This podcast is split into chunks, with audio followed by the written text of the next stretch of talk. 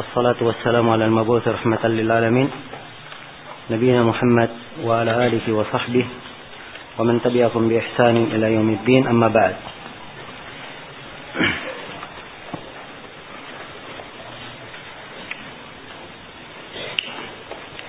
Ini majelis yang keenam dari hari yang kedua di Daurah Fikih Nasional dalam membahas kitab Ad-Durrul Bahiyah fil Masail al-Fiqhiyah. Kita masih di dalam menjelaskan babul mawakib. Kita masuk ke dalam pembahasan yang keenam yaitu tentang salat orang yang berudur. Ini diterangkan oleh Imam Asy-Syaukani rahimahullahu taala di dalam ucapan beliau beliau berkata wa man nama an salatihi aw saha anha hina yadhkuruha kana ma'dhuran wa adraka rak'atan faqad adrakaha ya kata beliau rahimahullahu taala dan siapa yang tidur dari salatnya maksudnya dia ketiduran sehingga luput melakukan salat. Ausaha anha atau dia lupa darinya. Ya, dia kelupaan, akhirnya belum salat. Kalau ada yang ketiduran atau kelupaan, kapan dia melakukan salat itu? Kata beliau, waktuha maka waktunya hina yadkuruha. Ketika dia mengingat salat itu. Waktunya ketika dia mengingat salat tersebut. Iya. Ini berdasarkan hadis Anas bin Malik yang diriwayatkan oleh Imam Al-Bukhari dan Imam Muslim dan konteks yang saya akan bacakan ini dalam riwayat Imam Muslim. Rasulullah sallallahu alaihi wasallam bersabda, "Man nasiya salatan aw nama anha fakaffaratuha ay yusalliha idza dzakaraha." Ya, siapa yang lupa dari salat di riwayat yang ke-82 Siapa yang lupa dari salat atau tidur darinya, maksudnya dia ketiduran, maka kafaranya dia melakukan sholat tersebut apabila dia mengingat. Dia melakukan sholat tersebut apabila dia mengingat. Karena itu siapa yang ketiduran tidak ada alasan. Dia bangun langsung sholat. Dia mengatakan oh sudah keluar waktunya. Ya. Dia sholat walaupun sudah keluar waktu. Ada orang yang habis asar atau dia sebelum duhur tidur kebablasan sampai maghrib baru dia bangun. Misalnya. Ya. Maka dia belum sholat asar. Maka sholat asar ini wajib dilaksanakan di mana? Di waktu maghrib. Iya. Wajib dilaksanakan di waktu maghrib.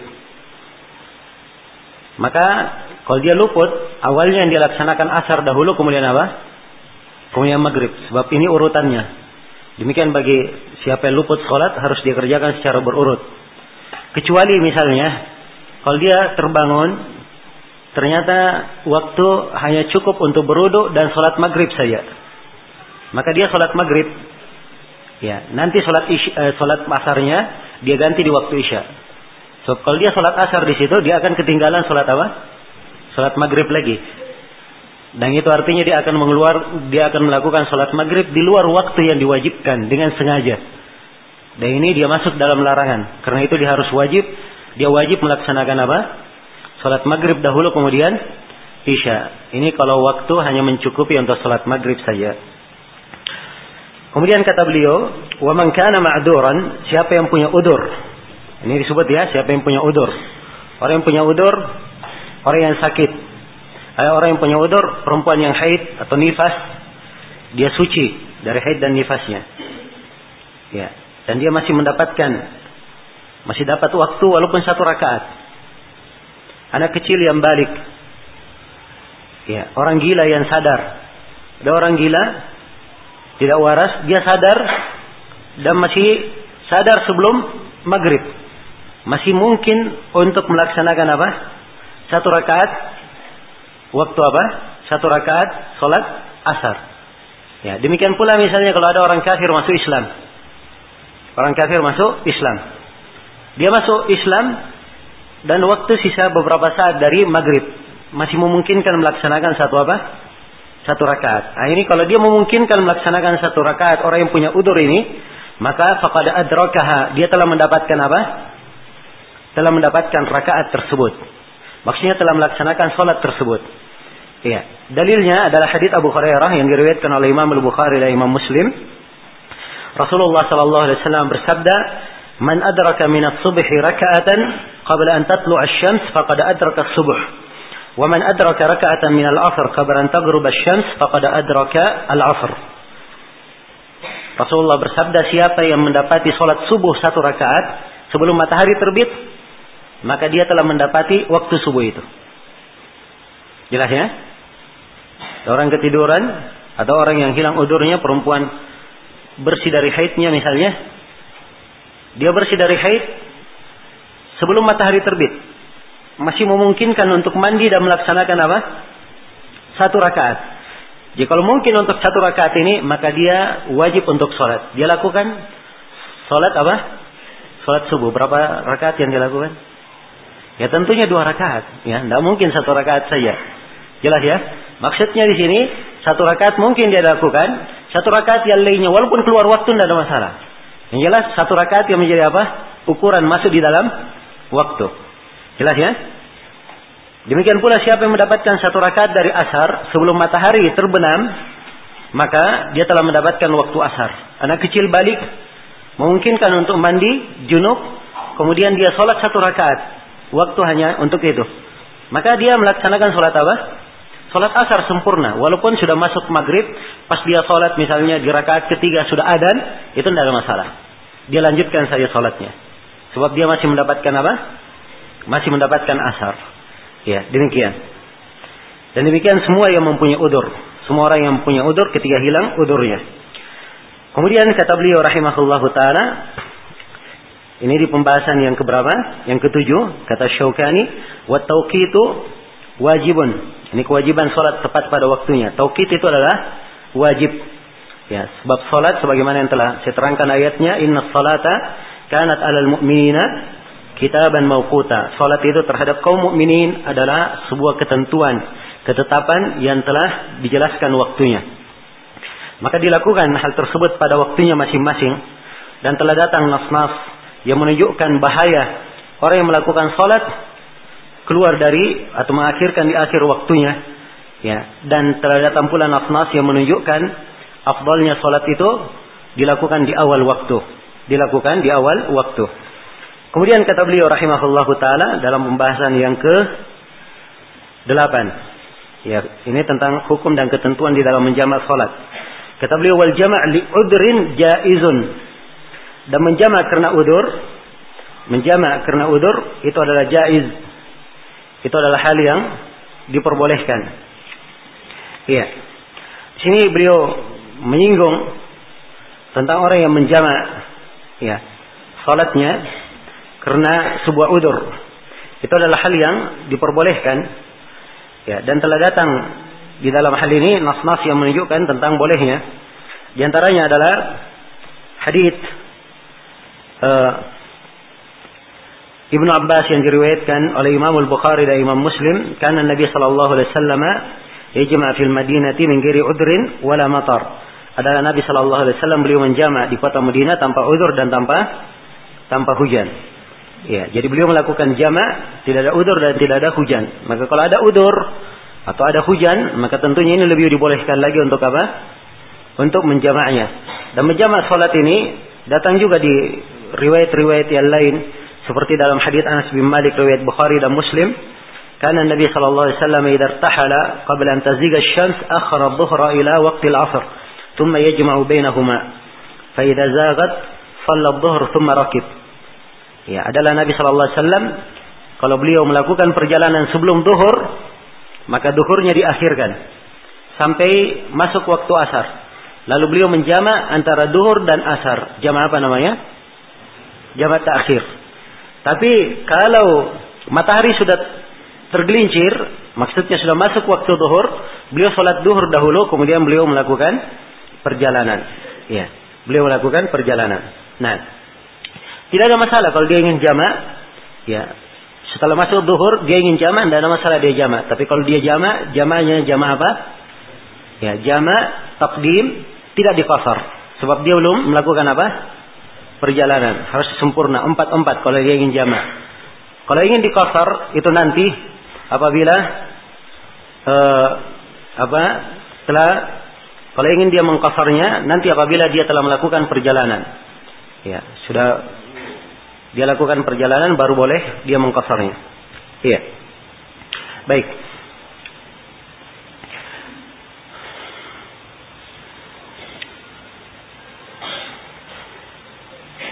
Jadi menjamak li udrin karena udur itu adalah hal yang diperbolehkan. Adalah hal yang diperbolehkan. Ya, udur itu kadang karena dia safar, kadang karena hujan, kadang karena sakit. Ya, kadang karena sakit. Dan ya sebenarnya ini ada rincian-rinciannya tentang masalah menjamak ini dan dia sebenarnya bab khusus di kebanyakan buku-buku fikih. Tapi karena beliau di sini hanya mengglobalkan, maka kita juga tidak terlalu merinci dalam membahasnya. Kemudian pembahasan berikutnya, pembahasan yang ke berapa? Sembilan. Ya, ini tentang orang yang bertayamum atau orang yang terhalang karena udur. Ya, dia tetap menunaikan seluruh rukun salat dan wudhu ya pada dan salat pada waktunya. Dia melakukan seluruh ya dia melakukan salat pada waktunya. Ini diterangkan oleh Asy-Syaukani dalam ucapan beliau wal mutayammim Orang yang bertayamum, wanaqisus salah. Orang yang kurang salatnya. Maksudnya orang yang kurang salatnya karena dia udur. Dia tidak mampu salat berdiri. Dia salatnya duduk misalnya. Ya. Salatnya duduk. Dia tidak mampu salat duduk, dia berbaring. Ini kurang salat. Dikatakan kurang apa? Salatnya. Awit tahara atau dia kurang taharanya. Kurang taharanya. Dia ada luka di tangannya dibalut dia tidak bisa mencuci luka itu. Iya. Jelas ya? Tidak boleh tidak bisa mencuci lukanya.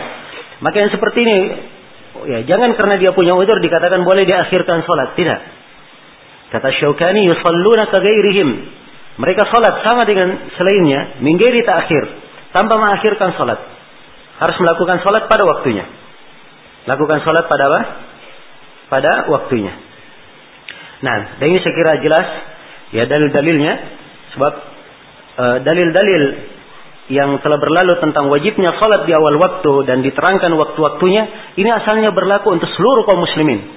Tidak ada perkecualian. Tidak ada perkecualian. Ya.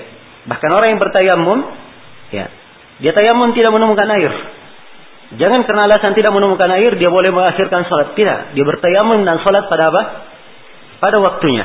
Salat pada waktunya. Nah, Baik.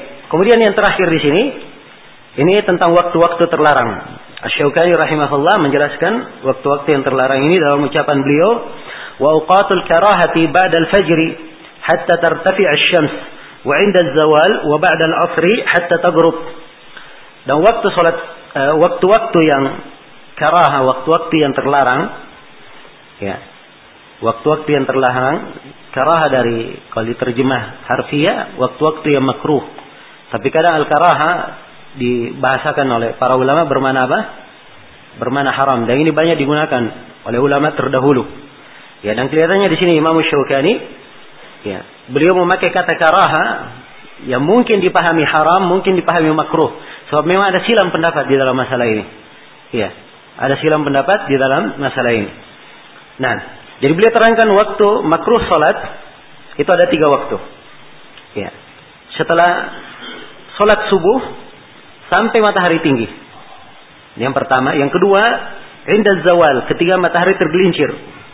Bukan setelah tergelincir, ketika dia apa? Tergelincir. Kemudian yang ketiga, setelah sholat asar sampai matahari terbenam. Ya. Ini Tiga waktu terlarang yang diterangkan di sini oleh Imam Ash-Shawkani. Dan waktu-waktu yang terlarang ini ini dijelaskan oleh Rasulullah sallallahu alaihi wasallam di dalam sejumlah hadis. Di antaranya adalah hadis yang diriwayatkan oleh Imam Muslim dari Uqbah bin Amir. Ya. Dalam riwayat 86 Beliau berkata, "Salatu sa'atin kana Rasulullah sallallahu alaihi wasallam yanhana an nusalli fihinna wa an naqbar wa an naqbura fihinna mautana." Kata beliau ada tiga saat Rasulullah Shallallahu Alaihi Wasallam melarang kami untuk sholat di situ dan melarang kami mengubur mayit-mayit kami pada waktu itu. Yang pertama, hina tatlu'u syams, ketika matahari itu terbit. Baziqatan hatta tartafi' Ketika matahari itu terbit sampai dia tinggi. Yang kedua, hina yakumu qa'imud dhahirati hatta tazulu hatta tazula syams. Ketika uh, matahari sudah berada di pertengahan sampai dia tergelincir. Yang ke itu yang kedua ya. Yang ketiga, wahina tatadayyafu syamsu lil ghurub. Ketika matahari sudah mulai akan terbenam. Jadi kalau lingkaran matahari sudah turun, nah ini waktu terlarang sampai dia apa? Terbenam. Ini di dalam hadis Uqbah bin Amir. Ya. Di dalam hadis Abu Sa'id Al-Khudri diterangkan dua waktu yang lainnya. Ya. Ini tiga waktu ya dalam hadis Uqbah bin Amir. Diterangkan dalam hadis Abu Sa'id dua waktu yang lainnya. Rasulullah sallallahu alaihi wasallam bersabda, "La salata ba'da subhi hatta tatlu asy-syams, wa la salata ba'da al-'asri hatta taghib asy-syams." Muttafaqun alaih. Ya. Tidak ada salat setelah subuh sampai matahari apa? Matahari terbit dan tidak ada sholat setelah asar sampai matahari terbenam. Jadi kalau ingin kita rinci waktu-waktu sholat yang terlarang atau waktu-waktu terlarang melakukan sholat secara terperinci semuanya ada lima waktu. Kalau ingin diglobalkan seperti ucapan Imam Syaukani hanya berapa? Hanya tiga. Kalau ingin diglobalkan. Tapi kalau ingin dirinci semuanya ada berapa? Ada lima. Ya baik. Rinciannya begini, yang terperinci yang lima. Yang pertama setelah sholat subuh. Ingat ya, setelah sholat subuhnya. Bukan setelah masuk waktu apa? Waktu subuh. Ya, jadi misalnya ada orang yang waktu subuhnya misalnya anggaplah jam jam 5. Anggaplah jam setengah 5 ya. Matahari terbit anggaplah jam 6. Iya. Jadi begitu adan subuh, dia tidak langsung sholat. Diundur sampai jam 5. Ya. Kemudian jam 5 dia sholat, selesai jam 5 seperempat. Maka dari jam 5 seperempat ini sampai jam 6 dia dilarang apa? Dilarang sholat. Itu waktu terlarangnya. Tapi andai kata misalnya dia sholat di awal waktu, jam 5 kurang seperempat dia sudah sholat, jam 5 selesai, maka waktu terlarang untuk dia dari jam berapa? Dari jam 5. Sebab yang dihitung adalah setelah pelaksanaan sholat subuhnya. Setelah apa? Pelaksanaan sholat subuh. Ya. Jadi ini yang pertama waktu terlarang. Setelah pelaksanaan sholat subuh sampai matahari terbit. Ini yang pertama. Kemudian yang kedua, ketika matahari terbit, sampai dia apa? Hah? Sampai dia nampak seluruhnya mulai tinggi. Ya. Dan mulai tingginya di sini, ini dihitung kepada kebanyakan apa yang diterangkan di dalam riwayat di dalam beberapa waktu sholat, yaitu ketika matahari sudah berada sekitar satu tombak. Ya, ini apa namanya waktu tingginya. Jelas ya? Jadi ini sebenarnya dua waktu ini kalau digabungkan dia menjadi apa? Menjadi satu saja. Dikatakan secara global dari setelah sholat subuh sampai apa matahari tinggi. Kan begitu? Tergabung di dalamnya dua hal sekaligus. Nah, kemudian yang ketiga ketika matahari berada di pertengahan. Ya, ketika matahari sudah berada di pertengahan, nah maka ini waktu terlarang sampai dia tergelincir. Sudah mulai nampak bayangan zawan, nah ini sudah hilang waktu terlarangnya. Kemudian yang keempat, setelah sholat asar. Ya. Ini sama ya keadaannya dengan setelah sholat subuh tadi. Yang keempat setelah sholat asar dan yang kelima ketika matahari apa? Hah? Matahari terbenam. Ketika matahari terbenam. Jadi ini lima waktu terlarang. Ya. Ini lima waktu terlarang yang dipegang oleh kebanyakan para ulama. Ada yang menyebutkan selain daripada ini, tapi itu pendapat-pendapat yang lemah. Pendapat-pendapat yang lemah. Ya. Dan waktu terlarang melakukan sholat ini maksudnya dia melakukan sholat sunnah mutlakah. Dia melakukan sholat apa? Sholat sunnah yang mutlak. Adapun kalau dia melakukan sholat wajib, ya itu tidak ada masalah. Kalau dia melakukan apa? Sholat wajib. Ya. Atau misalnya ada seorang tertidur. Ya. Dia bangun matahari sedang terbit. Apakah dia tunggu sampai matahari terbit? Jawabannya tidak. Kalau dia sholat wajib langsung dia sholat subuh, jangan menunggu. Ya, jelas ya? Sebab hadis Anas yang saya bacakan tadi, kafaranya langsung dia sholat pada saat dia ingat atau dia terjaga. Langsung dia sholat pada saat itu. Jelas ya? Ini kalau sholat wajib, nada langsung pada ya, walaupun waktu terlarang nggak ada masalah. Jelas ya? Yang kedua, di waktu terlarang yang juga boleh sholat di situ adalah sholat sunnah yang punya sebab. Sholat sunnah yang punya apa? Punya sebab. Ini disebut dawatul asbab. Seperti sholat apa? Tahiyatul masjid, sholat sunnah wudhu. Ya. Sholat sunnah wudhu ini adalah hal yang diperbolehkan. Demikian pula sholat jenazah. Ya. Dan selainnya dari sholat-sholat yang mempunyai apa? Mempunyai sebab. Nah, dan banyak dalil yang menunjukkan bahwa sholat yang punya sebab itu diperkecualikan. Dan ini yang dipegang oleh jumhurul ulama. Kebanyakan para ulama kita membolehkan sholat sunnah di sholat sunnah yang mempunyai sebab. Iya. Baik selesai sudah pembahasan yang berkaitan dengan masalah apa namanya waktu-waktu sholat. Ya, setelah itu Imam Syaukani rahimahullahu taala berpindah menjelaskan pembahasan berikutnya. Kata beliau babul adan, bab tentang adan. Nah, ya di dalam bab ini ada dua yang dijelaskan sebenarnya bab adan dan apa? Dan qamat. Bab adan dan qamat dua sekaligus yang diterangkan oleh Imam Asy-Syaukani rahimahullahu taala. Al-adan secara bahasa adalah al-i'lam. Ya. Adalah al-i'lam, adalah mengumumkan. Nah,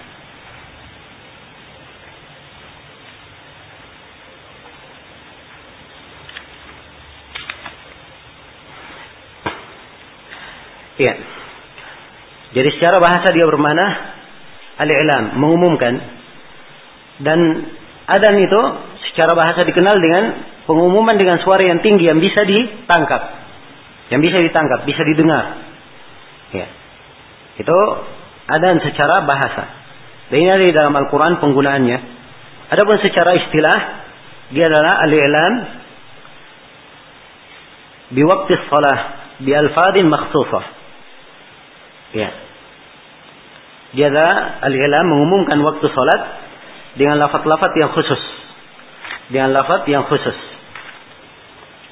Nah, itu tentang adan. Ya, kalau iqamah iqamah ya di malum ya asalnya dari kata apa namanya? aqam dari kata aqam ya, aqam iqamatan artinya dia menegakkannya. Ya. Dan dia menegakkan sebab dengan qamat ini seorang berdiri tegak untuk melakukan salat. Karena itu di definisinya, definisinya secara istilah Qamat adalah i'lam bil qiyam ila salah bidikrin makhsus. Adalah pengumuman untuk berdiri menuju kepada salat dengan zikir yang khusus. Dengan zikir yang khusus. Itu definisi qamat. Ya. Adan dan qamat ini adalah dua hal yang disyariatkan. Dan pensyariatannya ada di dalam Al-Quran, dalam sunnah Rasulullah SAW, dan disepakati oleh para ulama untuk salat lima waktu. Ya, untuk salat lima waktu. Adapun dari Al-Quran, Allah Subhanahu wa taala berfirman, "Wa nadaitum ila salati wa la'iba." Kalau kamu memanggil mereka untuk melakukan salat, mereka menjadikan panggilan itu sebagai bahan olok-olokan dan mainan. Ya. Maka di sini kalian memanggil wahai umat Islam. Memanggil. Ini adan yang diinginkan. Sebab nida untuk salat ini ma'hud. Yang diinginkan adalah adan. Demikian pula di hari Jumat wa idanu dia lis salati mi yaumil Jum'ah. Nah, ini juga yang diinginkan adalah adan. Adapun hadis-hadis yang menjelaskan tentang syariat adan akan kita dengarkan insyaallah taala di sela-sela pembahasan. Dan sepakat para ulama tentang disyariatkannya adan ini. Ya, disyariatkannya. Apa hukumnya? Apa hukum adan ini? Adan dan qamat. Nah, yang benarnya bahwa Ya sebenarnya kalau kita lihat ucapan para ulama ada sebagian yang mengatakan wajib, ada sebagian yang mengatakan sunnah. Ya, tapi sebenarnya uh, ucapan-ucapan tersebut kalau kita lihat maknanya sebenarnya mereka tidak berselisih bahwa adan itu adalah fardu kifayah. Adalah fardu kifayah. Apabila sebagian dari kaum muslimin sudah menegakkannya, maka telah gugur kewajiban bagi yang lainnya. Kalau di sebuah negeri, ya, sebuah negeri maka harus ada yang mengumandangkan adan. Kapan telah ada yang mengumandangkan adan, maka telah gugur kewajiban atas yang lainnya. Ini tentang masalah apa? Menggugurkan kewajibannya, fardu kifayah. Tapi tentang masalah syariat, itu disyariatkan. Setiap orang yang mau sholat, dia adan dahulu, kemudian apa? Kemudian qamat. Sebab adan ini mempunyai keutamaan-keutamaan yang sangat banyak sekali. Dari pengguguran dosa-dosa, orang yang mengumandangkan adan dan sejauh suara adannya tersebut didengar, maka siapa saja yang mendengarnya dari yang hidup apa namanya dari yang yang basah maupun kering, dari makhluk hidup maupun apa namanya e, pohon-pohonan, bebatuan semuanya akan memohonkan ampun untuknya. Ya, dan banyak lagi keutamaan dari adan ini. Maka dia adalah hal yang disyariatkan, hal yang disyariatkan. Tidak ada masalah kalau seorang misalnya berada di rumahnya dia melakukan adan atau misalnya dia punya udur ya dia terlambat ke masjid ya dia terlambat ke masjid dia adan dahulu kemudian sholat maka tidak ada masalah ya. Tapi kalau di masjid tersebut ini kalau dia adan sendiri ya bukan adan diumumkan ya pakai uh, pengumuman untuk umum sebab kalau untuk umum sekali cukup sekali di masjid itu sebab jangan sampai dipahami di masjid itu banyak adan ya jelas ya karena itu kalau dia sudah berada di masjid yang sudah dikumandangkan adan, maka cukup dia komat saja. Cukup dia komat. Nah, walaupun dia tidak adan, tidak komat langsung sholat, sholatnya syah. Tidak ada masalah. Sholatnya syah. Iya. Di sini Imam Syaukani di dalam pembahasan adan ini, beliau berkata, Yushra'u li ahli kulli baladin ayyattakhidu muaddinan au aktsara. Ya, au aktsar. Syahad tambahannya au aktsar. Tambahannya dari manuskrip Ya. Apa dari manuskrip dan ya dari tulisan Imam Syaukani. Yunadi bi alfadil adan al-mashru'a inda dukhul al-waqti waqti as-salah. Wa yushra'u li kulli sami'in lil adani ay yutabi al-muaddin. Thumma tushra'u al-iqama ala sifatil waridah. Ya di sini ada uh, apa? tujuh pembahasan yang kita garis bawahi. Yang pertama definisi adan dan komat. Ini telah kita definisikan. Yang kedua hukum adan dan komat. Ini juga telah kita terangkan. Kemudian yang ketiga syariat pengangkatan muadzin dan kriteria seorang muadzin. Nah, ini syariatnya bisa kita cermati dari hadis Malik bin Al-Khuairis yang diriwayatkan oleh Imam Tujuh. Beliau berkata, jadi Malik bin Khuairis ini beliau datang bersama sejumlah dari kaumnya, kemudian Nabi Shallallahu Alaihi Wasallam berkata kepada mereka, ya, Idza hadaratis salat falyu'adzin lakum ahadukum. Apabila salat telah hadir, maka hendaknya salah seorang dari kalian mengumandangkan adzan. Ya. Jadi kalau salat sudah hadir, hendaknya salah seorang dari kalian mengumandangkan apa? Mengumandangkan adzan. Kemudian berikutnya hadis Utsman ibn Abil As.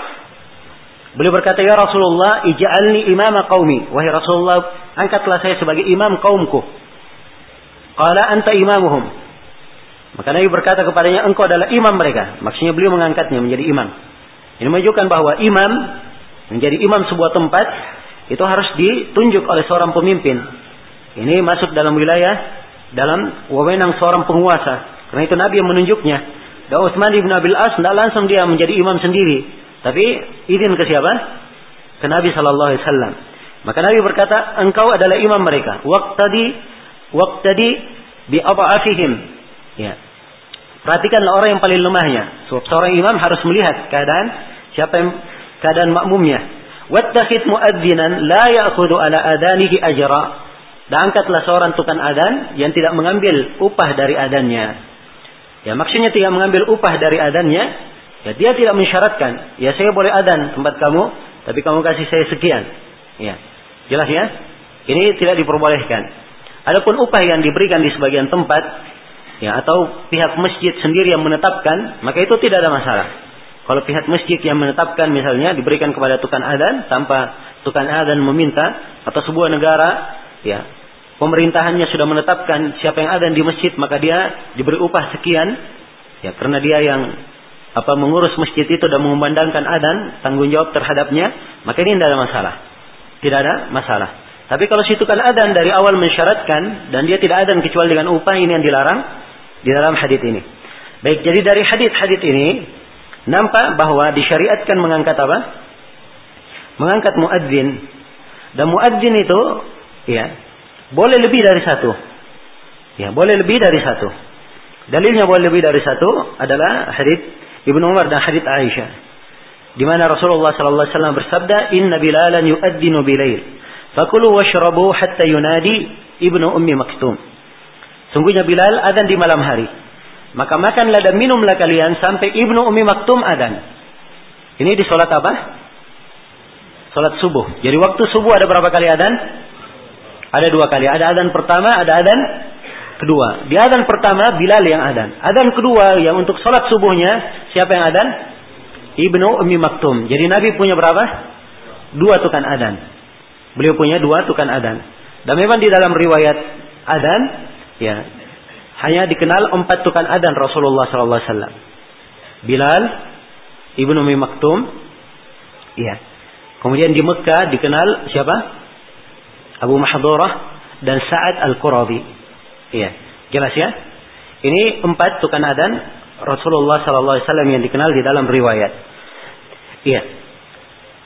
Adapun kriteria seorang muadzin, ya, kriteria seorang muadzin, ya, ada syarat utama dan ada apa kriteria yang sifatnya hal yang sebaiknya ada pada muadzin tersebut. Nah, maka di antara kriteria ini kita gabungkan saja semuanya. Yang pertama dia adalah seorang muslim. Karena itu Nabi berkata kepada Malik bin Al-Khuairis, "Falyu'addil lakum ahadukum." Hendaknya menjadi adan untuk kalian adalah salah seorang dari kalian. Kalian yaitu umat apa? Umat Islam. Jadi ini ini syarat utamanya dia harus muslim. Jadi kalau misalnya ada syarat-syarat yang lain tidak terpenuhi, maka itu tidak membatalkan adan, tetap syah adannya. Tapi kalau yang adan bukan muslim, maka ini tidak syah adannya. Jelas ya? Ya, dari hadits Malik bin Al-Khuwairith ini juga diambil pendalilan tidak harusnya seorang muadzin itu adan dalam keadaan apa? Bertahara. Ya, dalam keadaan berhadas. Dalam keadaan tidak bertahara atau dalam keadaan berhadas. Jadi kalau dia dalam keadaan berhadas adan, boleh saja adannya syah. Walaupun dia meninggalkan yang afdal. Ya, afdalnya seorang muadzin itu adan dalam keadaan apa? Dalam keadaan beruduk, dalam keadaan bertahara. Nah, kemudian di antara kriteria seorang muadzin dia harus mengetahui waktu-waktu sholat. Ya, harus mengetahui waktu-waktu sholat. Karena itu teratur sekali. Bilal adannya diketahui, Ibnu Umi Maktum juga adannya diketahui. Ya. Dan kalau mengangkat tukan adan dia buta, itu boleh saja. Yang penting ada yang mewakili dia, menunjukkan apa? Waktu-waktu sholat. Karena itu Abu Mahdura, beliau seorang buta, kalau dia melakukan adan, maka dikatakan kepada beliau, asbahta, asbahta, sudah pagi, sudah pagi. Maksudnya sudah masuk waktu. Ya, beliau pun melakukan adan. Nah, kemudian dari kriteria seorang adan, ya, hendaknya dia mempunyai suara yang apa? Suara yang uh, suara yang lantang, kemudian lemparannya jauh. Ya, ini yang dimaksudkan di dalam adan. Ya, karena itu Abu Mahdura di dalam hadis riwayat Ibnu Khuzaimah mengisahkan bahwa Nabi Shallallahu Alaihi Wasallam ya kagum dengan suara beliau. Maka fa'allamahul adan Nabi mengajarkan kepadanya apa? Kepadanya adan ya. Dan juga uh, mimpi yang mimpi tentang adan itu melihat adan dalam mimpinya adalah siapa Hah? Abdullah bin Zaid Ibn Abdi Rabbih ya Abdullah bin Zaid bin Abdi Rabbih dia mimpi melihat adan dan dimaklumi ya adan itu ada sejarahnya Asalnya dipanggil sholat ya cuma dipanggil saja sholat berkumpul mereka. Ya jelas ya. Kemudian setelah itu ya bermusyawarah kaum muslimin bagaimana adan itu sepantasnya. Yang akhir dari uh, tahapan terakhirnya ya Abdullah bin Zaid mimpi ya tentang bagaimana cara adan itu. Maka beliau pun menceritakan mimpinya kepada Nabi Shallallahu Alaihi Wasallam. Ya, maka yang menjadi dalil di sini bukan mimpi, tetapi apa? Nabi yang membenarkan. Ya, karena itu tidak benar ya ada mengatakan, oh, pada dia melihat dalam mimpi, mimpinya dijadikan sebagai apa? Sebagai dalil. Ya, itu tidak ada agama, tidak ada yang dibangun di atas mimpi. Ya, semuanya dibangun di atas apa? Tuntunan Rasulullah Sallallahu Alaihi Wasallam. Maka ketika ya Nabi diceritakan tentang hal itu, maka Nabi Shallallahu Alaihi Wasallam berkata itulah adan. Dan beliau berkata kepada Bilal, "Kum ya Bilal, berdirilah engkau wahai Bilal." Ya, ini menunjukkan bahwa orang yang adan harus apa? Harus berdiri. Sebab Nabi perintah kum. Kalimat kum menunjukkan apa? Ya, perintah. Kecuali kalau dia punya udur tukang adan yang tidak bisa berdiri, boleh aja dia duduk. Ya, dan adan dalam keadaan berdiri ini mempunyai banyak fungsi. Ya, mempunyai banyak fungsi sebagaimana yang dimaklumi. Tentunya beda lemparan suara orang yang duduk dan orang dengan apa? Dengan orang yang berdiri. Ya, lemparan suaranya berbeda. Ya. Maka beliau berkata, "Kum ya Bilal." Adanlah kamu wahai Bilal. Dan diterangkan dalam riwayat ini, "Fa innahu anda apa? Fa innaka anda minhu sautan." Sebab engkau suaramu itu lebih jauh lemparannya daripada suara dia. Ya, jelas ya? Jadi diinginkan dalam adan ya, adalah lemparan suaranya yang jauh. Ya. Jadi bukan diinginkan dalam adan indahnya di adan, dia lantungkan sana sini, dia lagukan, ya. Bukan itu yang diinginkan. Jelas ya? Walaupun misalnya suaranya bagus, ya, lebih sejuk didengar, itu kriteria lain. Tapi maksud asalnya adan itu lemparan suaranya apa? Sangat jauh. Sebab yang dimaksudkan dari adan adalah pengumuman, ya. Mengumumkan kepada manusia bahwa sholat sudah apa? Sudah masuk, ya. Sholat sudah masuk. Dan inilah kriteria yang kadang tidak diperhatikan oleh banyak kaum muslimin. Seakan-akan adan itu disyaratkan harus apa? Cari orang yang ya pandai melakukan adannya. Ya. Akhirnya karena ini yang dicari, kebanyakan orang tidak ke masjid. Ya. Sebab dia terbuai dengan suara yang indah tersebut. Akhirnya tinggal aja di rumah. Ya. Baik. Demikian. Jadi ini di antara kriteria orang-orang yang apa namanya uh, seorang muadzin, seorang muadzin. Iya. Kemudian pembahasan yang keempat di sini penjelasan tentang bentuk-bentuk adan. Jadi di sini Asy-Syaukani berkata yunadi bi alfadil al-adanil masyru'ah. Ya. Dia yunadi ya, mengumandangkan lafat-lafat adan yang disyariatkan. Dia mengumandangkan lafat-lafat adan yang disyariatkan. Iya. Jadi di sini diterangkan tentang lafat-lafat adan yang disyariatkan. Dan tentunya tentang penjelasan bagaimana adan itu ini diajarkan oleh Nabi Shallallahu Alaihi Wasallam. Ya. Ada beberapa hadis yang menjelaskannya tentang bagaimana adan yang diajarkan oleh Rasulullah sallallahu alaihi wasallam ya ada dari hadis uh, Abdullah bin Zaid ya ada dari hadis Abu Mahdurah ada dari hadis uh, sebagian paman dari uh, Anas ya dari sebagian orang-orang Ansar ya dan juga ada dari Anas bin Malik ya dan selainnya.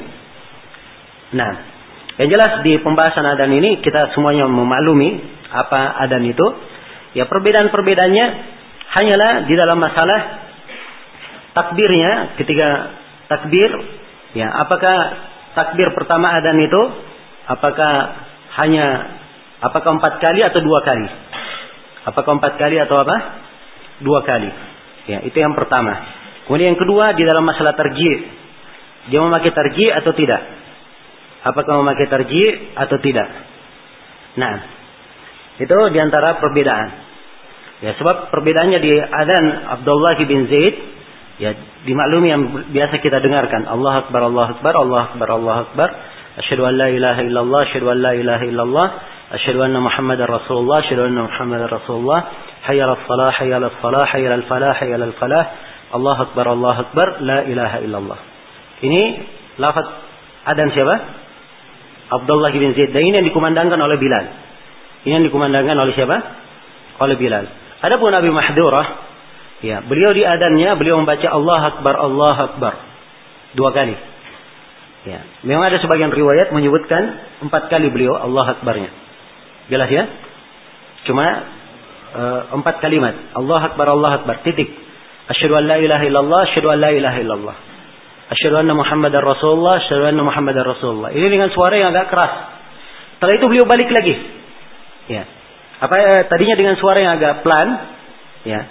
Setelah itu balik lagi ke syahadat. Syahadatnya diulangi lagi dengan suara yang lebih tinggi.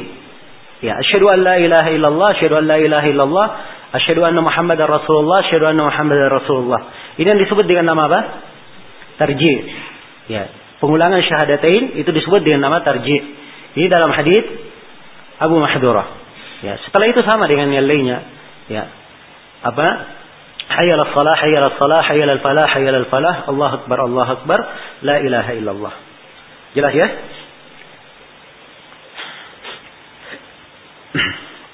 Nah, jadi adan ini ada dengan lafaz yang dibaca oleh Bilal dan ada dengan lafaz yang dibaca oleh Abu Mahdurah. Yang mana yang dipakai? Ya. Yang mana yang dipakai? Nah, di sinilah data pembahasan. Ya memang kaidah-kaidah umumnya, kaidah-kaidah umumnya bahwa kalau datang beberapa pengajaran dari Nabi dan pengajaran ini semuanya sahih, semuanya sahih, maka asalnya kadang ini yang dipakai, kadang itu yang dipakai. Jelas ya? Tapi di dalam pembahasan adan ini sebenarnya semuanya boleh dipakai, boleh ini, boleh, boleh itu. Tapi dalam pembahasan adan ini harus lebih dicermati. Sebab Nabi Shallallahu Alaihi Wasallam di Medina beliau tidak mengajari Bilal kecuali apa? Satu cara saja. Dan itu yang terus dilakukan oleh Bilal. Tidak ada cara yang lain. Ya, andai kata boleh diselang-seling, maka Bilal akan mengalami apa namanya? mengumandangkan cara yang kedua. Ya, tapi Bilal hanya diajari oleh Nabi satu apa? Satu cara saja. Abu Mahdura diajari cara yang lainnya. Karena itu dilihat di, di negara tersebut, di tempat tersebut, apa yang dikumandangkan. Apa yang dikumandangkan.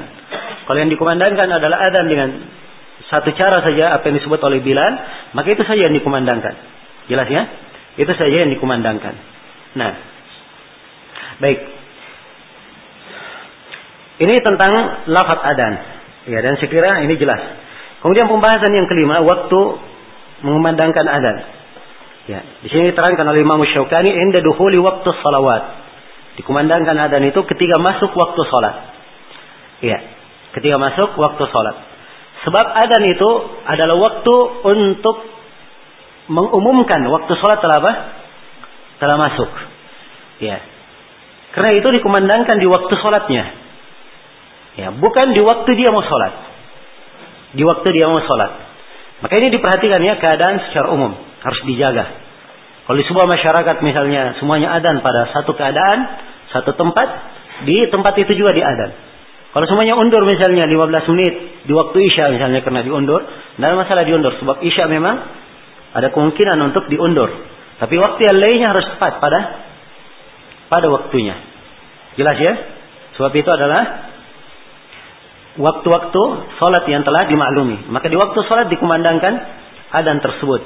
Ya kecuali misalnya kalau uh, mereka adalah sekelompok orang yang uh, apa namanya musafir atau yang semisal dengannya, maka ini tidak terikat dengan apa?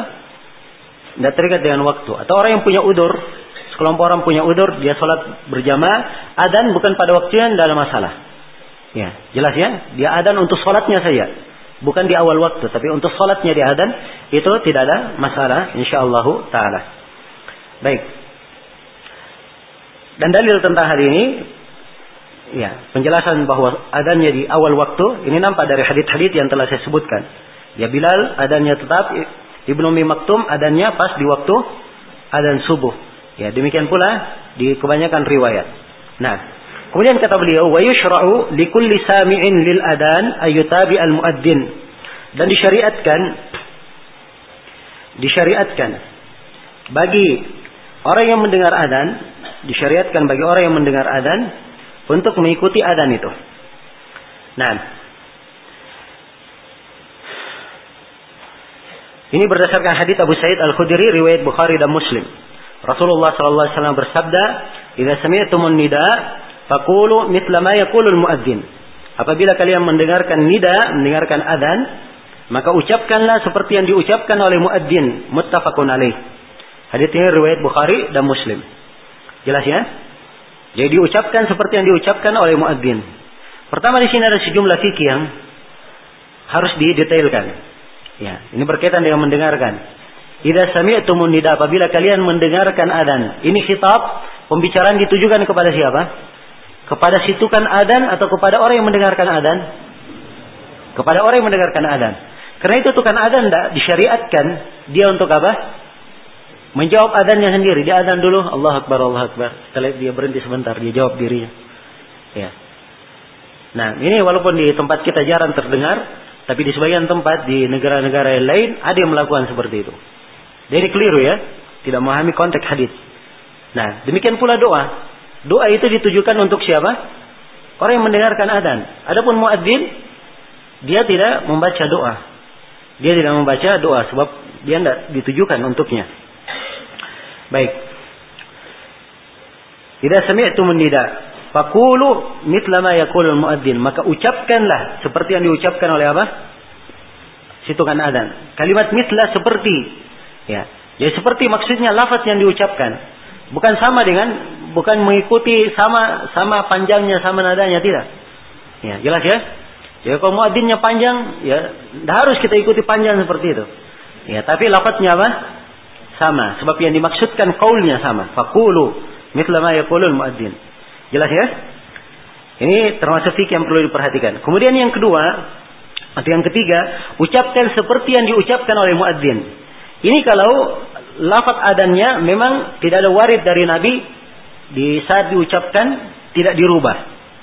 Ya, jelas ya kalau ada dari Nabi dirubah ucapannya berbeda dengan ucapan muadzin, maka asalnya kita merubah seperti yang dilakukan oleh Nabi. Ya, dan ini untuk apa? Untuk hayyal salat dan hayyal falah dijawab dengan apa? Ya, pada di, di, dijawab dengan la haula wala quwata illa billah. Ya harus dijawab seperti itu sebab Nabi mengajarkannya dalam hadis Umar bin Khattab radhiyallahu taala anhu. Jelas sampai sini? Ya. Jadi ini mitla ini umum dikhususkan oleh hadis yang menjelaskan bahwa kalau uh, hayyal salah hayyal falah itu dijawab dengan la haula wala quwata illa billah. Nah, seluruh lafaz ada yang lainnya dijawab sama. Seperti misalnya di subuh disyariatkan menambah as-salatu khairum minan naum. Ya, ini disebut dengan nama apa?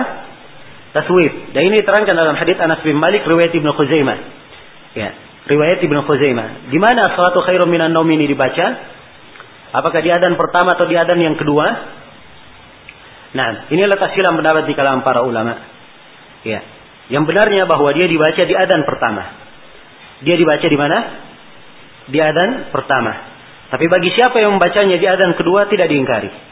Sebab ada sebagian riwayat yang memang lafadznya mutlak. Dan riwayat yang menyebutkan adan pertama itu hanya memberatkan penggunanya di adan pertama. Ya, dan ini lebih mencocoki sebab kandungan as-salatu khairum minan naum membangunkan untuk apa? Membangunkan dari tidur supaya dia melakukan salat malam. Ya, untuk melakukan salat malam. Ini lebih tepat dari sisi nabar dan dari sisi asar. Ya, dari sisi uh, apa namanya? Uh, alasan dan dari sisi pendalilan.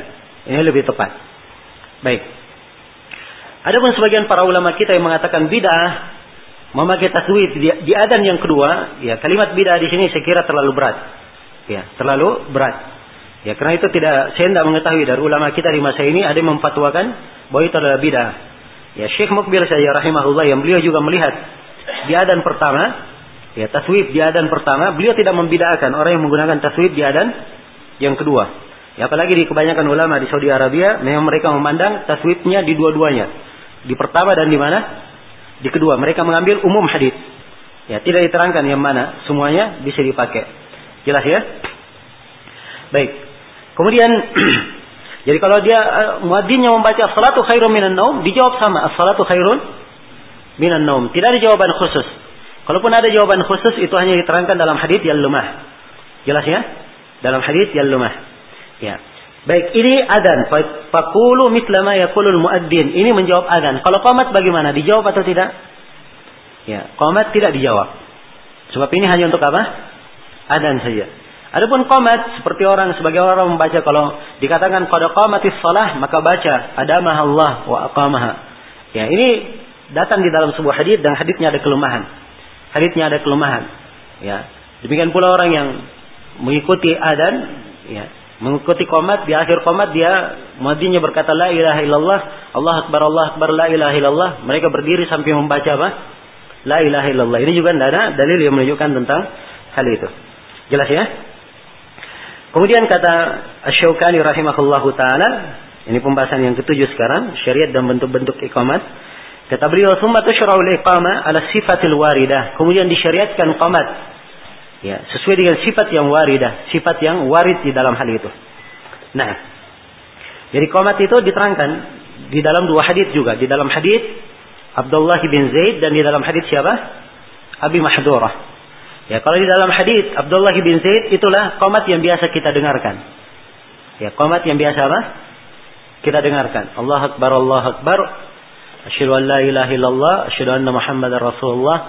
Hayyal salah, hayyal falah. Qad qamatis salah, qad qamatis salah. Allah Akbar, Allah Akbar, la ilaha illallah. Jelas ya? Kalau hadis Abi Mahdura komatnya berbeda. Ya Allah Akbar Allah Akbar. Asyhadu an la ilaha illallah, asyhadu an la ilaha illallah, asyhadu anna Muhammadar Rasulullah, asyhadu anna Muhammadar Rasulullah. Hayyal salah, hayyal salah, hayyal falah, hayyal falah. Qad qamatis salah, qad qamatis salah. Allah Akbar Allah Akbar, la ilaha illallah. Jadi komatnya hadis Abi Mahdura sama dengan adannya ya, Pak? Sama dengan adannya Bilal. Jelas ya? Ya. Dan ini komat beliau ada di dalam sahih Muslim riwayatnya. Nah, dan seperti yang saya tekankan tadi, bahwa asalnya semua yang syah dari Nabi boleh diamalkan. Tapi harusnya kita melihat di negeri itu apa yang dikerjakan. Kalau di negeri itu yang dikerjakan cuma adannya Bilal, maka itu yang dikerjakan. Jelas ya? Itu yang dikerjakan. Sebab dikhawatirkan juga kalau misalnya adan, tiba-tiba ada yang adan dengan hadith Abi Mahdura misalnya, komat dengan hadith Abi Mahdura, bisa-bisa orang-orang yang tidak tahu akan apa? Ya akan ribut nanti. Ya. Jelas ya? Baik. Kemudian adan ini, qamat ini di, di dikatakan bahwa dibuat kaidah umum kalau adan dua-dua, kalau qamat ganjil. Ya. Adannya genap, kalau qamatnya apa? Ganjil. Nah, ini dalam hadis Anas bin Malik, Umi Bilalun ayyashfa al-adana wa yutirul iqamah illa al-iqamah. Ya. Sungguhnya Bilal diperintah untuk menggenapkan adan, yang mengumandangkannya secara genap dan mengganjilkan qomat kecuali al-iqamah kecuali pada qamatis shalah nah, kecuali pada qamatis shalah ini ini memang ada di dalam sebagian riwayat ya karena itu Imam Malik rahimahullah dalam madhab beliau qamat semuanya satu ya pada qamatis shalah juga apa juga satu kali saja. Sebab asalnya komat menurut beliau semuanya apa? Semuanya ganjil. Ya, dan ini apa namanya menyelisihi apa yang syah dari Nabi. Nabi mengajarkan komat itu berapa? Ya, dua kali. Nah, maka di sini pentingnya ya memahami kaidah-kaidah usul fikih secara baik. Ya, supaya seorang itu tidak salah dalam pendalilan. Ya, hadis Bilal ini, hadis Anas bin Malik ini mengatakan bahwa Adan itu genap, komat itu ganjil, ini hadis umum. Ya kan? Konteksnya umum. Rinciannya bagaimana? Nah, rinciannya diterangkan di dalam hadis Abdullah bin Zaid dan hadis Abu Mahdurah. Yang merinci itu lebih didahulukan daripada yang apa? Menjelaskan secara global. Jadi kalau dia merinci asalnya rincian yang dipegang. Sebab dia lebih apa? Lebih lebih detail. Dia lebih detail. Ini kaidah umum yang harus dipahami. Jangan sampai seorang keliru di dalam memahaminya.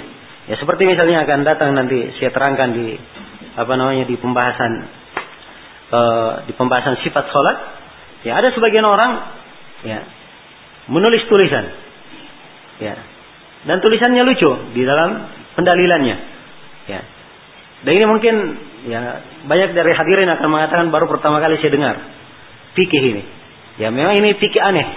Saya ingin mengingatkan saja keanehan yang muncul karena tidak memperhatikan Ya kaidah-kaidah yang diterangkan oleh para ulama. Ada sebagian yang menulis katanya takbir itu setiap naik dan setiap turun, kan begitu? Jadi terangkan setiap naik dan setiap turun. Naik itu begini, begini, begini. Nah, akhirnya dia bikin kesimpulan. Jadi takbir boleh ketika takbir di sujud kedua, ya di sujud kedua seorang takbir Allah Akbar. Dia takbir untuk apa? Untuk duduk istirahat. Dan dari duduk istirahat dia naik ke atas lagi untuk Rakaat kedua dia boleh takbir lagi. Iya, takbir lagi di situ. Kalau yang kita kenal dari sujud kedua takbir sekali saja, kalau mau istirahat silakan tapi langsung apa? Berdiri tidak takbir lagi. Iya kan? Itu yang kita kenal. Kalau dia ini enggak. Ya. Jadi takbirnya ya ketika sujud takbir untuk duduk apa? Istirahat. Dari duduk istirahat takbir untuk apa? Berdiri. Ya, dalilnya karena sujud berarti naik ke duduk. Dari duduk naik ke apa? berdiri. Ya, ini pemahaman sendiri namanya. Ya, dasarnya karena dia ambil hadis global seperti itu, Nabi takbir setiap turun, setiap naik, itu hadisnya global. Tapi datang hadis-hadis merinci di mana Nabi Shallallahu alaihi takbir. Dan dalam rinciannya hanya disebut dari sujud kedua langsung berdiri. Satu kali takbir. Rincian lebih didahulukan. Dan lebih diambil. Jelas ya? Apalagi tidak ada dari ulama terdahulu yang memahami seperti pemahaman itu. Ya. Jadi itu adalah pemahaman baru muncul ya di abad ke-14 ini. Ya, wallahu musta'an. Baik.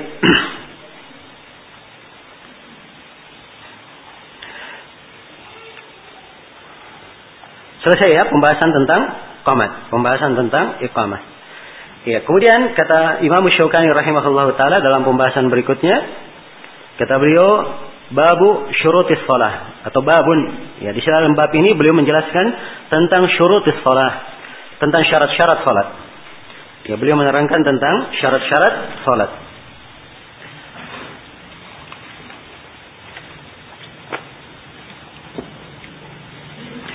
Kata Syaukani rahimahullahu taala, "Wa yajibu 'alal musalli tathhiru thawbihi wa badanihi wa makanihi najasa satru awratihi ولا يشتمل الصماء ولا يسبل ولا يسبل ولا يكفت ولا يصلي في ثوب حرير ولا ثوب شهرة ولا مقصوب. وعليه استقبال عين الكعبة إن كان مشاهدا لها أو في حكم المشاهد. وغير المشاهد يستقبل الجهة بعد التحري. Ya, ini pembahasan tentang syarat-syarat salat. Dalam uraian Imam Syaukani ini kita menggaris bawahi tujuh pembahasan. Ya, pembahasan yang pertama penjelasan global tentang syarat-syarat salat. Ya, secara global para ulama di dalam syarat-syarat salat mereka menyebutkan beberapa syarat salat. Nah, dan telah saya terangkan ya bahwa syarat itu ya, syarat itu adalah sesuatu yang dibangun di atasnya syahnya sebuah salat. Dan syarat itu keluar dari apa? Di luar dari salatnya. Di luar dari salatnya. Nah, ya. Syarat-syarat apa uh, salat ada beberapa syarat kita hitung sekarang. Yang pertama adalah uh, al-bulugh. Uh, yang pertama adalah al-Islam, dia adalah muslim. Kemudian yang kedua adalah al-aql, dia adalah orang yang waras. Kemudian yang ketiga adalah at-tamyiz. Dia sudah mumayyiz. Ya, dia sudah mumayyiz. Nah, anak kecil tapi sudah bisa mumayyiz. Ya. Mumayyiz itu ukurannya dia kalau ditegur, ditanya dia bisa menjawab dengan jawaban yang benar. Ya, jelas ya? Itu mumayyiz namanya. Baik. Kemudian syarat yang ini tiga syarat ini umumnya ada di pembahasan-pembahasan lain. Ya. Syarat berikutnya adalah masuknya waktu. Masuknya waktu. Dan ini telah diterangkan di bab apa? Al-Mawaqit tentang waktu-waktu sholat. Ya. Tentang masuknya waktu. Kemudian syarat berikutnya, ya. Sini diterangkan oleh Imam Syaukani di dalam pembahasan syaratnya. Jadi empat syarat sudah berlalu ya. Di sini di uraian Imam Syaukani beliau terangkan tentang apa syarat yang ke e, empat tentang wajibnya untuk menghilangkan najis. Ya. Wajibnya untuk menghilangkan najis atau menjauhi najis. Kemudian syarat yang ke berapa? Hah? Satu, dua, tiga, empat, lima. Berarti yang keenam sekarang. Ya. Syarat yang keenam adalah menutup aurat menutup aurat. Ini beliau syarat beliau sebutkan di sini wasatru aurati. Itu syarat yang ke-6. Dia menutup aurat. Kemudian syarat yang ke berapa? Syarat yang ketujuh dia menghadap ke kiblat. Dia menghadap ke kiblat. Ya. Dan syarat yang kedelapan ini harusnya di, di saya sebutkan di awal tadi, tapi nggak apa-apa. Syarat yang kedelapan adalah berniat. Ya, adalah berniat. Jadi syarat sholat semuanya ada berapa? Ada delapan syarat. Ini delapan syarat secara global. Ya, delapan syarat secara global. Saya akan uh, rinci apa yang belum diterangkan. Ya, tentang Islam sudah kita terangkan. Tentang apa namanya harus akal, punya akal, waras juga telah kita terangkan. Tentang yang mumayyiz juga telah diterangkan. Tentang harusnya niat juga telah apa? Diterangkan. Jadi empat syarat sudah diterangkan. Demikian pula masuknya waktu, disyaratkan harus masuk waktu sholat, ini juga sudah di, terangkan. Sekarang kita masuk dalam pembahasan Imam Syaukani. Ya, satu persatu kita terangkan. Yang ke berapa sekarang? Yang ke, yang keenam tentang menghilangkan najis atau apa uh, syarat menjauhi najis. Ya. Kata beliau wajibu alal musalli dan wajib atas orang yang salat tabhiru taubihi untuk mensucikan pakaiannya. Wajib atas orang yang salat untuk mensucikan pakaiannya. Wa badanihi dan, dan mensucikan badannya. Dan mensucikan badannya. Ya. Wa makanihi dan mensucikan tempat salatnya minan najasa dari najis. Dia mensucikan badannya, ya pakaiannya, tempat salatnya dia sucikan dari najis. Ya ini dalil umumnya diambil dari ayat wasiyabaka fatahhir dalam surah Al-Mudaththir. Dan pakaianmu sucikanlah. Dibangun di atas salah satu penafsiran para ulama terhadap ayat. Ya. Yang memaknakan atau yang memaknai uh, apa? Kalimat fatahhir dengan mana mensucikan dari najis, mensucikan dari najis. Nah, Kemudian telah syah dari Nabi Shallallahu Alaihi Wasallam ya dalam sejumlah riwayat yang insyaallah taala kuat ya dalam hal ini di antaranya hadis Jabir bin Samurah juga datang dalam hadis Muawiyah ya tentang orang yang uh, salat di pakaian yang dia um, menggauli istrinya di pakaian tersebut ya tentunya apa yang jatuh darinya ya dimaklumi kadang ada apa namanya kadang ada kotoran di situ, ya, kadang ada kotoran di situ, maka kotoran yang dimaksud kalau mani telah kita terangkan ya dia bukan najis kalau mani. Tapi kalau mati yang jatuh atau yang semisal dengannya maka ini tidak diperbolehkan. Karena itu Nabi Shallallahu Alaihi Wasallam berucap dengan ucapan umum ketika ditanya tentang orang yang datangi sholat, ya di pakaian yang dia mendatangi istrinya dengan pakaian itu, maka Nabi berkata, Naam, tidak apa-apa, dia sholat illa ayyara fihi syai'an falyagsilhu. Kecuali kalau dia melihat sesuatu dari najis di pakaian itu, hendaknya dia cuci. Hendaknya dia cuci. Jelas ya? Dan demikian pula hadis Abu Sa'id, siapa yang masuk yang sudah ber, berlalu bersama kita, kalau masuk ke masjid dia lihat apa? Ya, kesendalnya kalau dia dapati padanya ada kotoran menghendaknya dia bersihkan. Hendaknya dia bersihkan, kemudian dia sholat, ya dia sholat padanya. Kemudian dia sholat padanya. Nah, dan ada beberapa hadis yang lainnya yang menunjukkan ya makna ini bahwa seorang itu ya ketika melakukan sholat dia membersihkan dirinya dari najis tersebut. Ya. Apakah dia adalah rukun? Apakah dia adalah syarat? Ya, kebanyakan para ulama berpendapat bahwa berbersih dari najis itu adalah syarat dari syarat apa? Dari syarat sholat. Ya, walaupun sebagian para ulama memandang bahwa dia hanya wajib saja. Hanya kewajiban saja dan itu adalah bukan bukan terhitung sebagai syarat. Ya, bukan terhitung sebagai syarat, hanya dihitung sebagai apa? Sebagai kewajiban. Ya, bagi yang mengatakannya dia hanya sebuah kewajiban, ya mereka berdalilkan dengan uh, beberapa adillah. Ya. Di antaranya adalah hadis tentang Eh, kisah Nabi Shallallahu Alaihi Wasallam sholat, ya sementara beliau sholat maka uh, apa uh, beliau melemparkan sepatunya. Ya sementara beliau sholat beliau melemparkan sepatunya maka ketika ditanyakan oleh kepada Rasulullah Shallallahu Alaihi Wasallam ya kenapa engkau melemparkan sholat tersebut maka beliau menceritakan ya bahwa uh, Jibril datang kepada beliau dan mengatakan bahwa di sendal beliau ada ada kotoran maka beliau pun melemparkan sendal tersebut. Nah, ini dalil yang dipakai oleh uh, sejumlah para ulama. Ya, dalil yang dipakai oleh sejumlah para ulama yang mengatakan bahwa uh, ketika seorang itu sholat dia wajib berbersih dari apa? Dari najis. Jadi ini dalil dipakai sebagai syarat.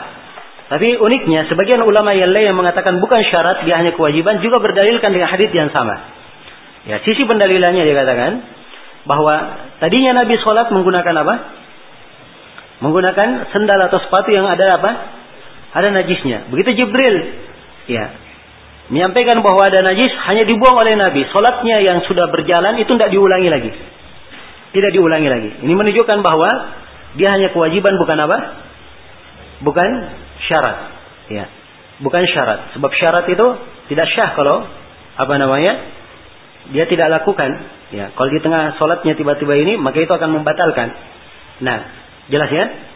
Akan membatalkannya. Dan ini sebenarnya dari sisi uh, uh, pendalilan, ya mungkin dikatakan hal yang kuat. Tetapi kalau seorang memegang pendapat kebanyakan para ulama bahwa dia adalah syarat, ya ini hendaknya yang apa namanya dia dia lakukan. Ya sebab uh, solat itu ya seorang hendaknya menjaga dirinya dari segala perkara yang tidak menyejukkannya, segala perkara yang mengurangi nilai ibadahnya kepada Rabbnya Azza wa Jalla. Baik. Ini tentang apa?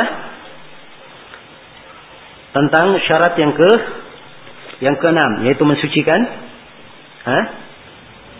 Membersihkan atau menjauhi najis ketika sholat. Kemudian ucapan asyaukani minan najasa dari najis. Ya. Jadi tempat yang ada padanya najis. Beliau singgung tempat ada padanya najis. Ya. Ini di antara tempat yang tidak boleh dilakukan padanya sholat.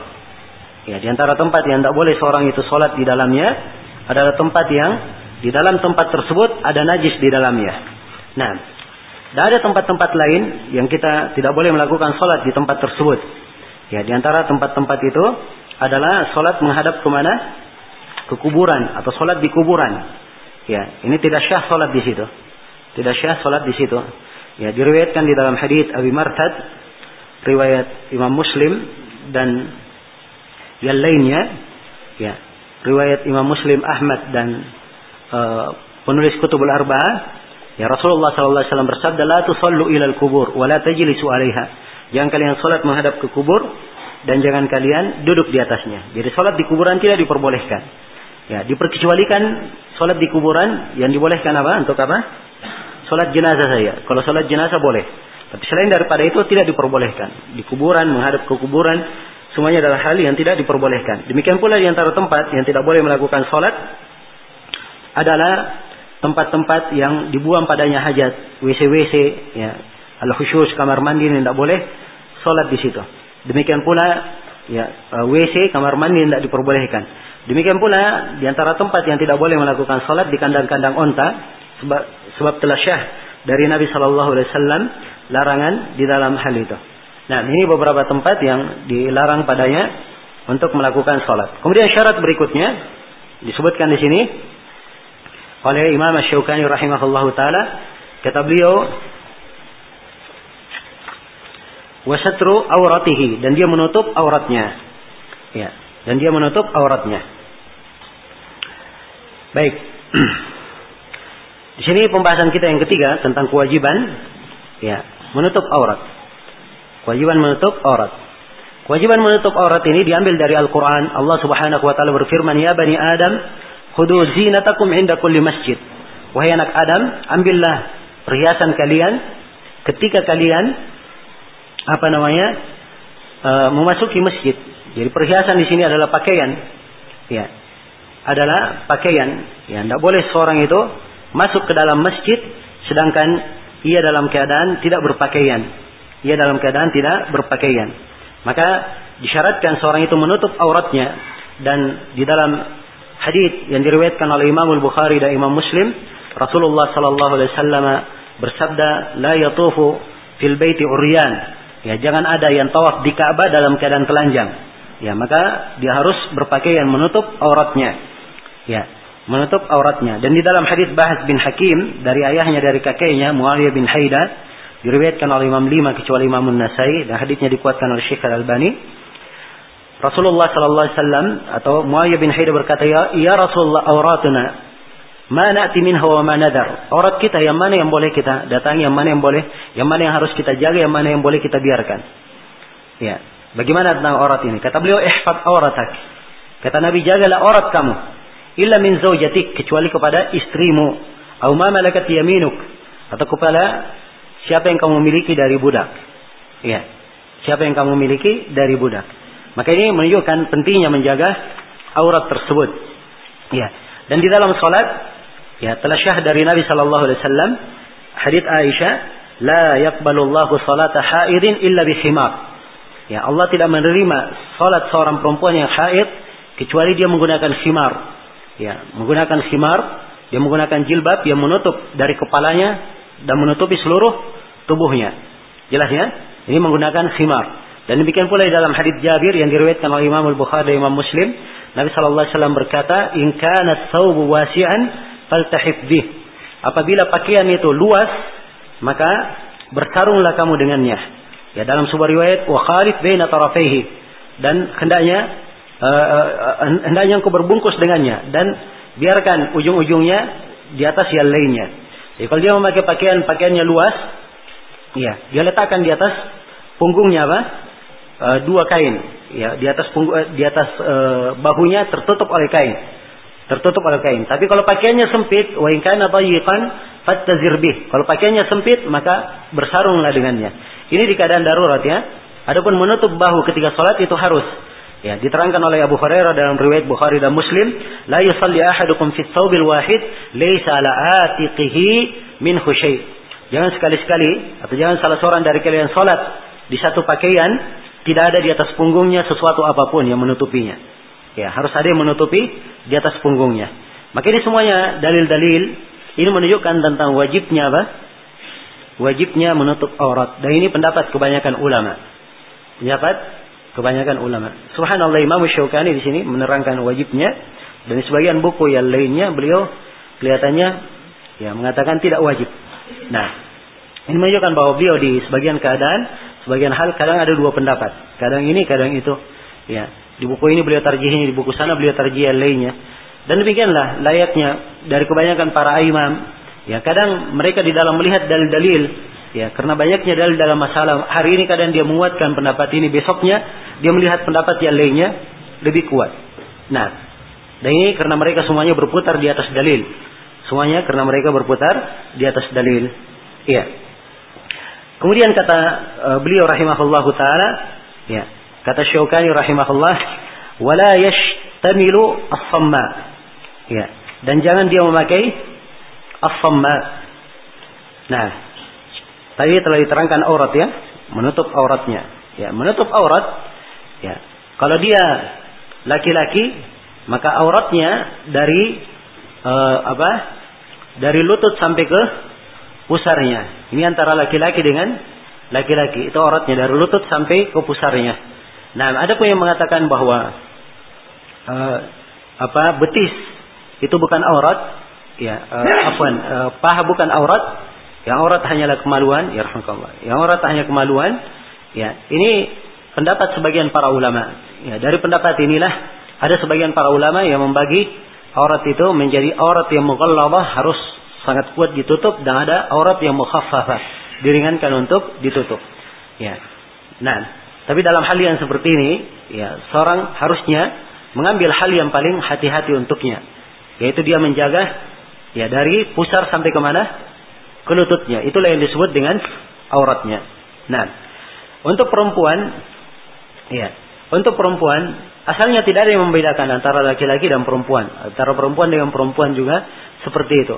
Tetapi ada nas-nas lain yang menunjukkan bahwa perempuan hendaknya menjaga ya auratnya dan auratnya itu lebih daripada antara lutut dan pusar, antara sesama perempuan, lebih dari antara lutut dan pusar. Ini pendapat uh, sejumlah para ulama, walaupun seperti yang saya sebutkan tadi sebagian dari para ulama ada yang berpendapat laki-laki dan perempuan sama batasan auratnya. Sebab Nabi Shallallahu Alaihi Wasallam bersabda, "An-nisa'u syaqaiqu ar-rijal." Para perempuan itu adalah uh, saudara-saudara saudara-saudara lelaki kaum lelaki. Jadi dia sama kedudukannya, saudara kandung kaum lelaki. Jadi dia saudara kandung kedudukannya apa? Kedudukannya sama. Nah, baik. Kemudian kata Imam Syaukani rahimahullah, wala yastamilu wala yastamilu samma. Dan jangan dia istimal as-samma. Ya, di sini disebut as-samma wala yusdil dan jangan dia melakukan sadel. Ya, jangan dia melakukan sadel. Ini dua. Kemudian yang ketiga, wala yusbil. Jangan dia melakukan isbal. Wala yakfit. Itu yang ketiga ya. Yang keempat, wala yakfit. Dan jangan dia melakukan kafat. Ya. Nah, ini empat hal yang dilarang di sini. Ya. Empat hal yang dilarang. disebutkan di sini oleh Syukani rahimahullah dalam berpakaian. Tentunya ada hal-hal yang dilarang, yang lainnya yang beliau belum sebutkan di sini. Ya seperti yang memakai pakaian yang menyerupai orang-orang kafir misalnya. Nah, jelas ya. Hal yang seperti ini juga dilarang di dalam sholat. Ya, yashtamilu somma, maksudnya somma itu itu adalah pakaian yang menutupi seluruh tubuhnya sehingga membungkus kedua tangannya juga. Tangannya juga ada di dalam. Jelas ya, jadi pakaian menutupi seluruh tubuhnya tidak ada celah keluar untuk apa? Untuk tangannya. Ya, maka ini pakaian tidak diperbolehkan sebab kalau ada celah untuk tangan, begitu tangannya mau digerakkan, dia pasti akan membuka sebagian auratnya. Jelas ya? Maka hal ini adalah hal yang dilarang dan pelarangan tentang istimal as-samma ini ada di dalam riwayat al-jamaah, dalam riwayat Bukhari dan Muslim, Ahmad dan Imam Empat. Semuanya meriwayatkannya. Nah, jadi harusnya seorang kalau melakukan sholat, yang paling afdolnya dia pakai dua kain, kain menutupi bawahnya dan kain menutupi apa? Atasnya. Ya harus ada penutup di di di atasnya. Dan ini subhanallah pembahasan dalam hadis ini di uh, orang-orang terdahulu di keadaan hidup para sahabat. Kadang mereka sholat ya sehingga ada pembahasan bagaimana kalau dia hanya mempunyai satu kain saja. Hanya untuk menutupi apa? Hanya untuk menutupi tubuhnya saja. Ya kalau sekarang ini subhanallah kita diberi nikmat oleh Allah Subhanahu wa taala dengan banyak nikmat. Ya, kadang seorang berpakaian ya lapis empat misalnya. Ya, ada celana dalamnya, ada baju dalamnya, ada celana luarnya, ada saupnya lagi. Ya, kadang sebelum pakai saup dia pakai sarung lagi. Ya. Jelas ya? Dan ini tentunya lebih sempurna dalam ya menutup aurat. Lebih sempurna dalam menutup aurat. Dan apa yang diterangkan oleh Nabi sini di kadar ya syahnya, di kadar syahnya seseorang itu menutup auratnya. Iya. Nah, la yashtamil as-samma, dia jangan memakai as-samma. Kemudian yang kedua, wala yusdil. Ini pelarangan dari as-sadl. Pelarangan dari as-sadl. Ya.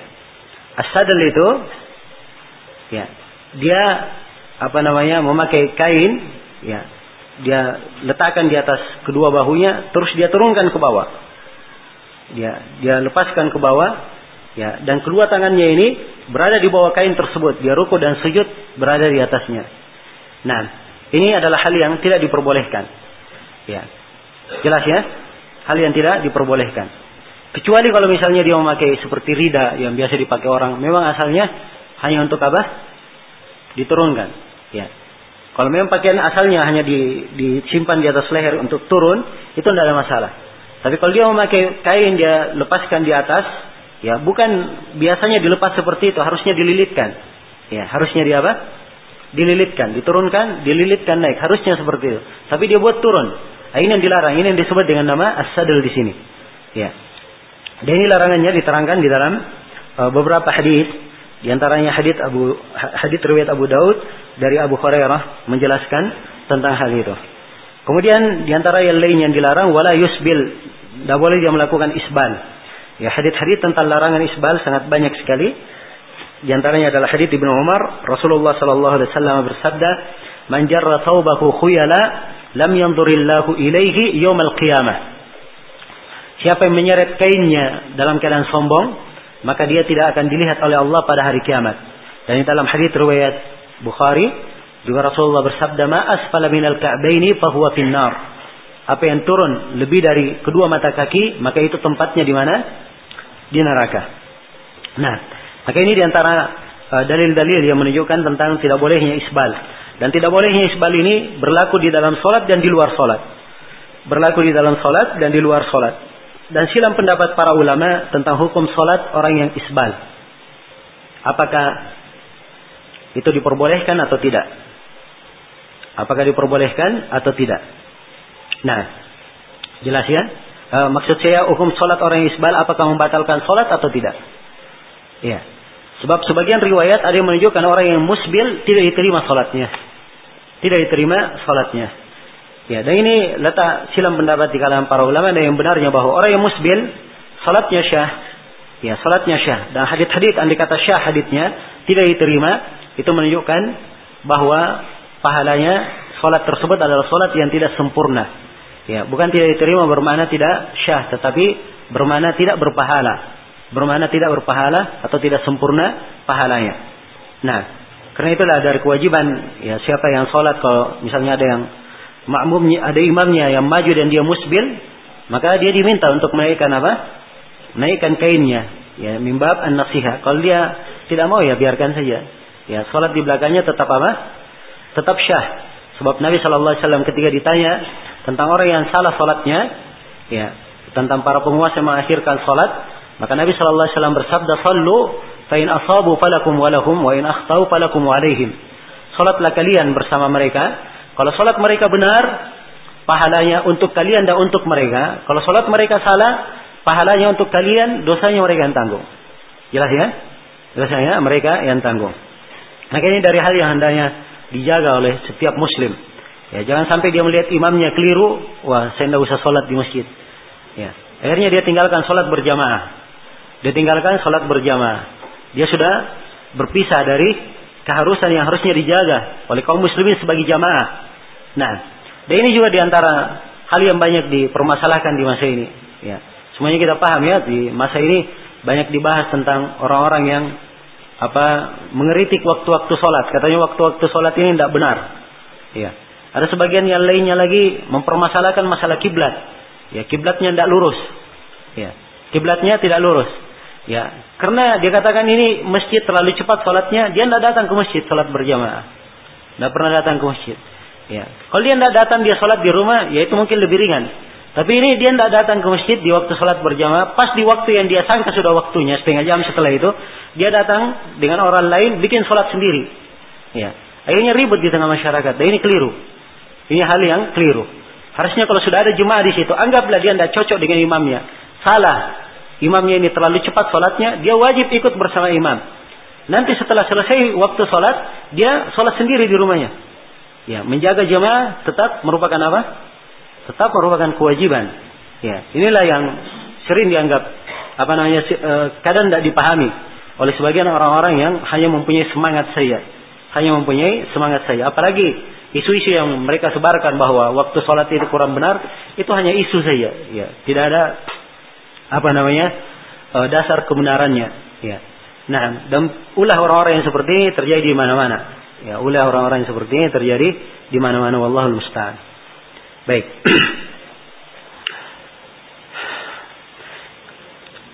Kemudian kata beliau, wala yusbil isbal sudah jelas ya. Kemudian kata beliau, ya, wala yukfit, ya, wala. Dan jangan dia lipat ya dari kainnya, diambil pakaiannya di ini dia dia gulung, ya dia gulung atau rambutnya dia apa namanya? dia dia dia ikat ya. Maka ini tidak diperbolehkan. Ini termasuk hal yang dilarang ya. Penulis menjelaskan uh, hal ini karena memang ada larangan di dalam Sahih Al-Bukhari. Di dalam Sahih Al-Bukhari tentang hal itu dari hadits Ibnu Abbas. Wala nakfit wala nakfit wala syar. Ya. Dan kami tidak melakukan kafat terhadap baju dan juga terhadap apa namanya? terhadap uh, rambut, ya, tidak menggulungnya. Baik. Jelas ya, ini larangan-larangan. Kemudian berikutnya kata beliau, beliau kata Imam Syaukani, ya. Nah, kata beliau, "Wala yusalli fi thawbi haririn." Jangan dia salat pada baju dari sutra. Ya, jangan dia sholat pada baju dari sutra. Ya, ini dalilnya adalah hadits Umar bin Khattab riwayat Bukhari dan Muslim. La talbasu al-harir fa innahu man labisahu fid dunya lam yalbashu fil akhirah. Jangan kalian memakai sutra. Siapa yang memakai sutra itu di dunia, dia tidak akan memakainya di mana? Di akhirat. Ya. Larangan memakai sutra. Nah, dan akan ada pembahasannya ya di bab libas tentang pakaian, ya tentang pakai sutra ini. Insya Allah taala akan kita lebih, lebih jelaskan di sana. Kemudian wala sauba syuhrah. Tidak boleh dia memakai pakaian syuhrah. Ya, pakaian syuhrah yang dimaksudkan dengan pakaian syuhrah ya adalah pakaian yang dia itu berbeda dengan pakaian kebanyakan orang. Ya, memang dia sengaja bikin pakaian sendiri sehingga beda dengan orang lain. Nah, dan orang yang memakai pakaian syuhra ini telah datang di dalam sebuah hadis yang diriwayatkan oleh Imam Ahmad, Abu Dawud, An-Nasai dan Ibnu Majah dari Ibnu Umar, Rasulullah sallallahu alaihi wasallam bersabda, "Man labisa thawba syuhratin fid dunya, albasahu Allahu thawba mudillatin yaumal qiyamah." Siapa yang memakai pakaian syuhra di dunia, maka Allah akan memakaikan kepadanya pakaian kehinaan pada hari kiamat. Ya, pakaian kehinaan pada hari kiamat. Nah, maka ini hadis jelas menunjukkan haramnya memakai pakaian syuhrah. Iya.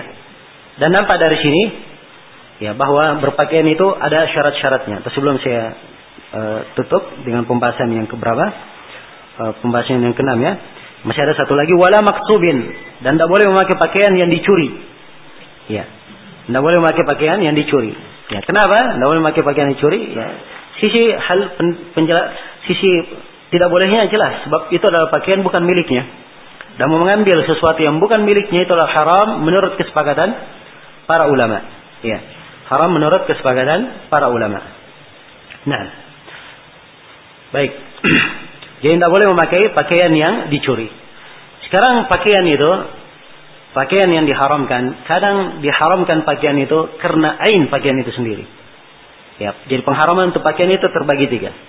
Ada pengharaman li ainihi, ada tahrimnya karena wasfihi, ya, karena pensifatannya, ya,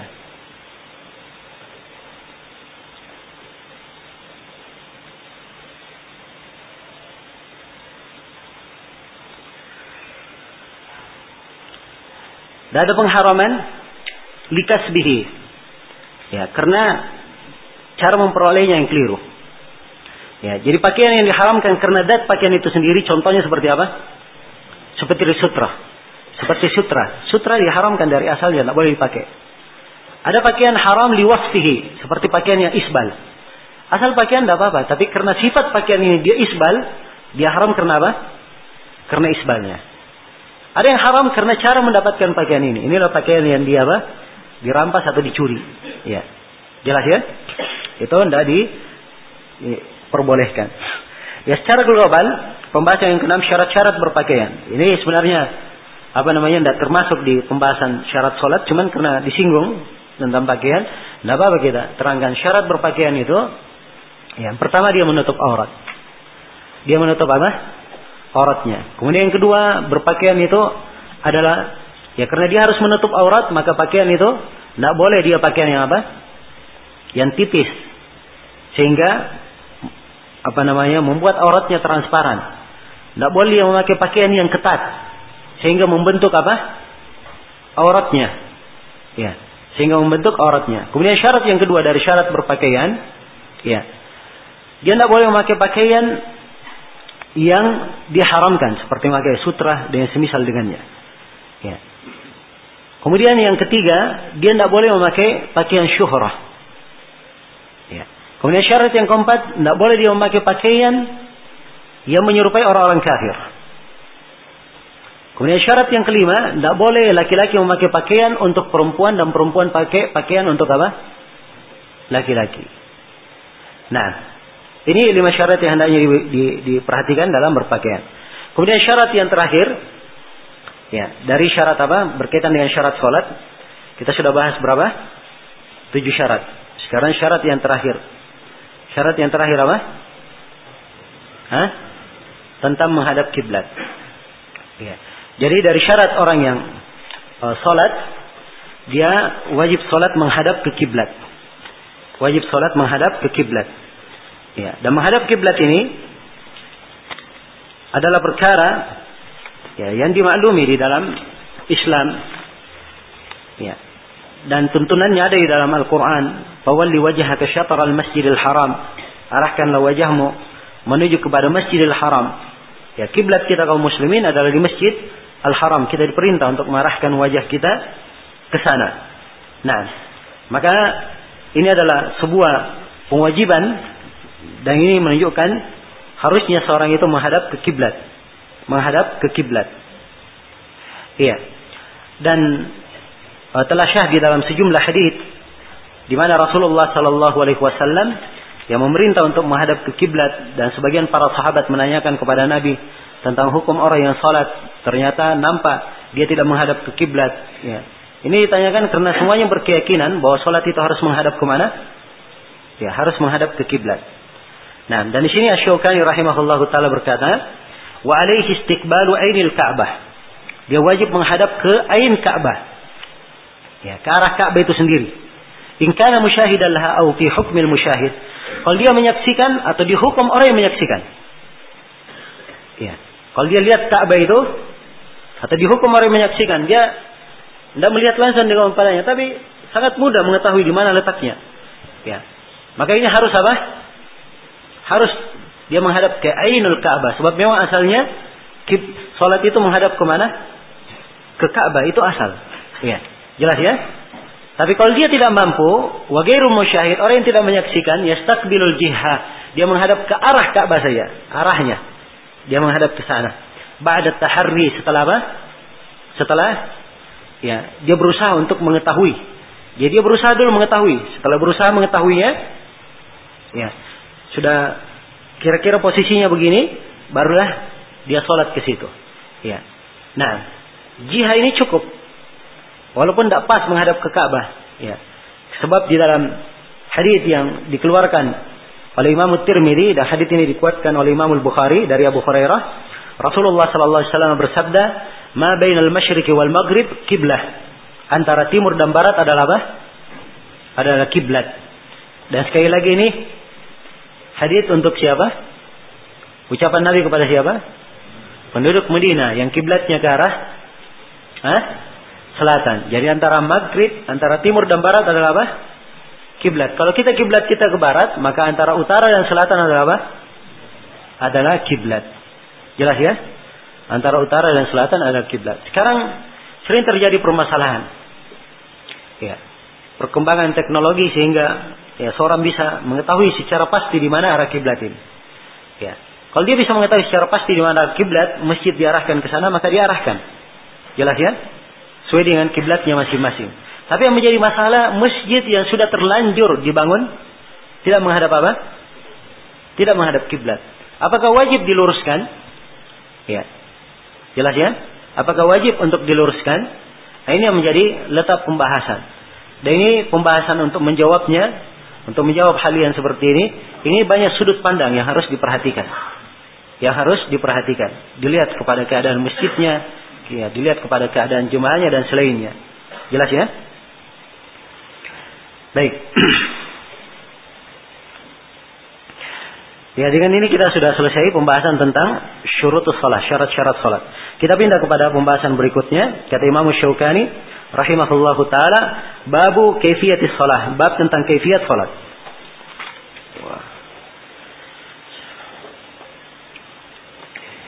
Nah, di dalam uraian Imam Syaukani di sini ada 10 pembahasan yang kita akan garis bawahi. Yang pertama tentang hukum niat dalam kifiat salat. Nah, Imam Syaukani berkata wala takunu syar'iyatan illa bin niyah. Salat itu tidaklah menjadi salat yang syar'i kecuali dengan apa? Kecuali dengan niat. Ya, maka harus diniatkan. Dan ini nama amalu bin niat. Iya. Baik, dan ini saya kira dimaklumi. Kemudian pembahasan yang kedua tentang rukun-rukun salat. Iya. Syarat-syarat salat telah kita jelaskan. Tentang rukun-rukunnya, ini saya akan terangkan dulu secara global apa itu rukun-rukun salat. Iya. Kemudian saya akan balik dan membaca ucapan Imam Syaukani rahimahullah taala. Rukun salat itu ya. Sebagian para ulama ada menghitung 14 rukun. Ya. Dan ini mungkin saya karena saudari menghitung 14 rukun, tidak apa-apa saya jelaskan dulu 14 ini. Kemudian kita periksa apakah memang betul setiap dari 14 ini dianggap rukun atau tidak. Ya, dan sebelum saya terangkan rukun ini, di sini ada dua hadis yang menjadi patokan. Ya. Ini harus dipegang ya. Karena itu di pembahasan-pembahasan itu namanya ada hadis-hadis yang kita pegang. Misalnya di bab wudu, saya sudah terangkan hadis siapa di bab wudu? Hadis Utsman bin Affan, hadis Abdullah bin Zaid Bin Zaid bin siapa? Abdurrabbi atau bin Asim? Ya, bin Asim. Asim ya di bab wudu. Kalau di bab adan bin siapa? Bin Abdurrabbi. Ini patokan. Ya, di bab adan ada hadis Abdullah bin Zaid bin Abdurrabbi dan hadis Alhamdulillah. Iya. Ada hadis Abi Mahdura. Ini patokan-patokan. Sekarang di bab tentang penentuan rukun ini ada hadis yang dua hadis harus kita cermati. Yang pertama adalah hadis Abu Hurairah tentang kisah al-musi salatuhu. Orang yang jelek salatnya itu. Ya. Kisah orang yang jelek salatnya. Ini disebut dengan nama hadis apa? Al-musi salatuhu. Ya, orang ini kisahnya dia datang kepada Nabi Shallallahu Alaihi Wasallam. Ya, Nabi sedang duduk dia salat. Kemudian dia datang kepada Nabi memberi salam. Maka Nabi jawab salamnya, salamnya. Kemudian Nabi berkata, ya kembalilah kamu salat. Fainna kalam tusal. Kamu tadi belum salat. Ya. Jadi salat yang dia lakukan tadi dianggap apa? Dianggap batal oleh Nabi Wasallam. Karena itu dianggap belum salat. Maka dia balik melakukan salat itu. Terus datang lagi. Ya. Nabi kembali perintah, kamu belum sholat. Datang lagi yang ketiga. Ya. Akhirnya dia berkata, ya Rasulullah, saya tidak mampu melakukan sholat kecuali ini. Ajarilah saya. Maka Nabi Wasallam bersabda kepadanya. Jadi di sini pengajaran Nabi mengajarkan sesuatu yang dengannya sholatnya menjadi apa? Menjadi syah. Maka Nabi berkata, "Idza kumta ila salati fa asbigil wudu." Kalau kamu berdiri untuk sholat, sempurnakanlah wudu. Tsumma kiblah, kemudian menghadaplah ke kiblat. Fakabbir, kemudian takbirlah kamu. Thumma qra' ma tayassara ma'aka minal Qur'an. Kemudian baca apa yang Allah mudahkan bersamamu dari Al-Qur'an. Thumma rka' hatta tatma'inna raki'an. Kemudian rukuklah kamu sampai kamu tumanina rukuknya. Ya. Thumma rfa' hatta ta'tadila qa'iman. Kemudian i'tidallah berdiri sampai kamu sempurna i'tidal. Ya. Thumma sujud hatta tatma'inna sajidan. Kemudian sujudlah kamu sampai kamu sempurna sujud. Tumarfa hatta mutmainna jalisan. Kemudian berdirilah lagi dari sujudmu sampai kamu tumanina duduk. Masjid hatta tatmainna sajidan. Kemudian sujudlah kamu untuk kedua kalinya sampai kamu tumanina sujud. Ya. Thumma fa'al dalika fi salatika kulliha. Kemudian lakukanlah ini pada seluruh salatmu. Jelas ya? Jadi ini hadis yang pertama yang menjadi patokan. Nah, hadis yang kedua adalah hadis Malik bin Al-Khuwairith riwayat Al-Bukhari. Rasulullah sallallahu alaihi wasallam bersabda, "Shallu kama raaitumuni usalli." Salatlah kalian sebagaimana saya salat. Iya. Ini penting ya di dalam mendudukkan dua hadis ini. Yang mana yang kita jadikan sebagai sandaran. Kalau kita memakai hadis Abu Hurairah tentang kisah musi salatuhu, maka yang dianggap rukun salat hanyalah yang disebut di dalam hadis apa? Al-musi salatuhu saja. Jelas ya? Hanya yang disebut dalam hadis al-musi salatuhu. Iya. Kalau kita pakai hadis Malik al-Khuwairith, maka artinya setiap perkara yang syah Nabi terus-menerus melakukannya, maka kita wajib menjadikannya sebagai apa? Sebagai rukun. Jelas ya? Ini berbeda dalam mengambil patokan. Dan tentunya dari sisi apa namanya pendalilan, hadis al-musi salatuh ini lebih terperinci. Maka harusnya ini lebih didahulukan. Ini lebih didahulukan. Karena itulah di dalam pembahasan ini saya akan tekankan bahwa di dalam penentuan rukun solat kita ya bertumpu pada hadits siapa? Hadits al-musi salatu. Sama kita di pembahasan wudhu kemarin. Ya. Dalam pembahasan wudhu kita bertumpu kepada apa? Tentang rukun wudhu. Nah, bertumpunya ke mana? Di rukun wudhu. Ya, pada ayat Al-Quran. Apa yang selain dari ayat tidak disebut apa? Rukun. Sama hadits al-musi salatu ini, ini ukuran untuk mengukur yang mana yang rukun dan selain rukun. Baik, di sini para ulama di dalam menjelaskan rukun salat, mereka menyebutkan ada 14 rukun. Yang pertama adalah berdiri. Rukun yang pertama adalah berdiri. Ya, sebab di dalam hadis al-masih salatuhu idza kumta ila shalah, kalau kamu berdiri untuk salat. Nah, jelas ya? Al-qiyam berdiri. Ini disyaratkan dan tentunya pensyaratan ini ini apabila seorang apa? Tidak ada udur. Adapun kalau ada udur itu lain lagi masalahnya. Lain lagi masalahnya. Nah, Kemudian rukun yang kedua, rukun yang kedua dari rukun yang salat apa dari rukun salat adalah membaca takbiratul ihram. Ya, karena itu dikatakan istaqbilil kiblah fakabbir, kemudian takbirlah kamu. Itu takbir apa itu? Takbiratul ihram. Iya. Takbiratul ihram ini dia adalah rukun salat, tidak boleh ditinggalkan. Tidak boleh ditinggalkan. Dan telah syah juga dari Nabi Shallallahu Alaihi Wasallam menjelaskan tentang apa namanya uh, uh, harusnya takbiratul ihram ini. Nah, di dalam hadis Ali bin Abi Thalib yang diriwayatkan oleh Imam lima, kecuali An-Nasai, Nabi sallallahu alaihi wasallam bersabda, "Miftahus shalah at-tuhur wa tahrimuhu at-takbir wa wa tahrimuha at-takbir wa tahliluha at-taslim." Kunci salat adalah berwudu. Pengharamannya adalah dengan takbiratul ihram dan penghalalannya dengan salam. Ya, maka harus ada takbiratul ihram. Kemudian rukun yang ketiga adalah membaca Al-Fatihah. Membaca Al-Fatihah. Memang di dalam hadis Al-Musi salatuhu dikatakan, "Tsumma qra' ma tayassara maka minal Qur'an." Kemudian baca apa yang dimudahkan bagimu dari Al-Qur'an. Dan apa yang dimudahkan dari Al-Qur'an ini terangkan dalam hadis Ubadah bin Samit. Ruwayat Bukhari dan Muslim, Nabi bersabda, "La salata liman lam yaqra' bi Fatihatil Kitab." Tidak ada salat bagi orang yang tidak membaca surah Al-Fatihah. Ya, ada sebagian riwayat fasaidan Al-Fatihah dan seterusnya. Ya, sehingga sebagian para ulama menganggap membaca surah setelah Al-Fatihah dianggap sebagai apa? Rukun. Tapi riwayat itu ada kritikan di kalangan para ulama. Dan yang benarnya yang rukun hanyalah Al-Fatihah. Hanyalah Al-Fatihah. Membaca surah setelah Al-Fatihah itu tidak dihitung rukun. Dia masuk ke dalam wajib ya atau sunnah. Kita akan terangkan nanti insya Allah. Baik. Kemudian yang ketiga, Hah? yang keempat dari rukun sholat adalah ruku. Ya, sebab dikatakan di sini di dalam hadis al-musyi salatuhu apa? Tsummarka hatta tatma'inna raki'an. Kemudian rukuklah kamu sampai kamu tumaknina ruku. Ya. Ini rukun yang ke berapa? Keempat. Rukun yang kelima dan yang keenam ya. Rukun yang kelima mengangkat dari ruku, mengangkat, berdiri. Ya, jelas ya? Berdirinya ini berdiri dari rukuknya, ini sudah dihitung apa? Rukun, satu rukun. Ya ditambah lagi yang keenam.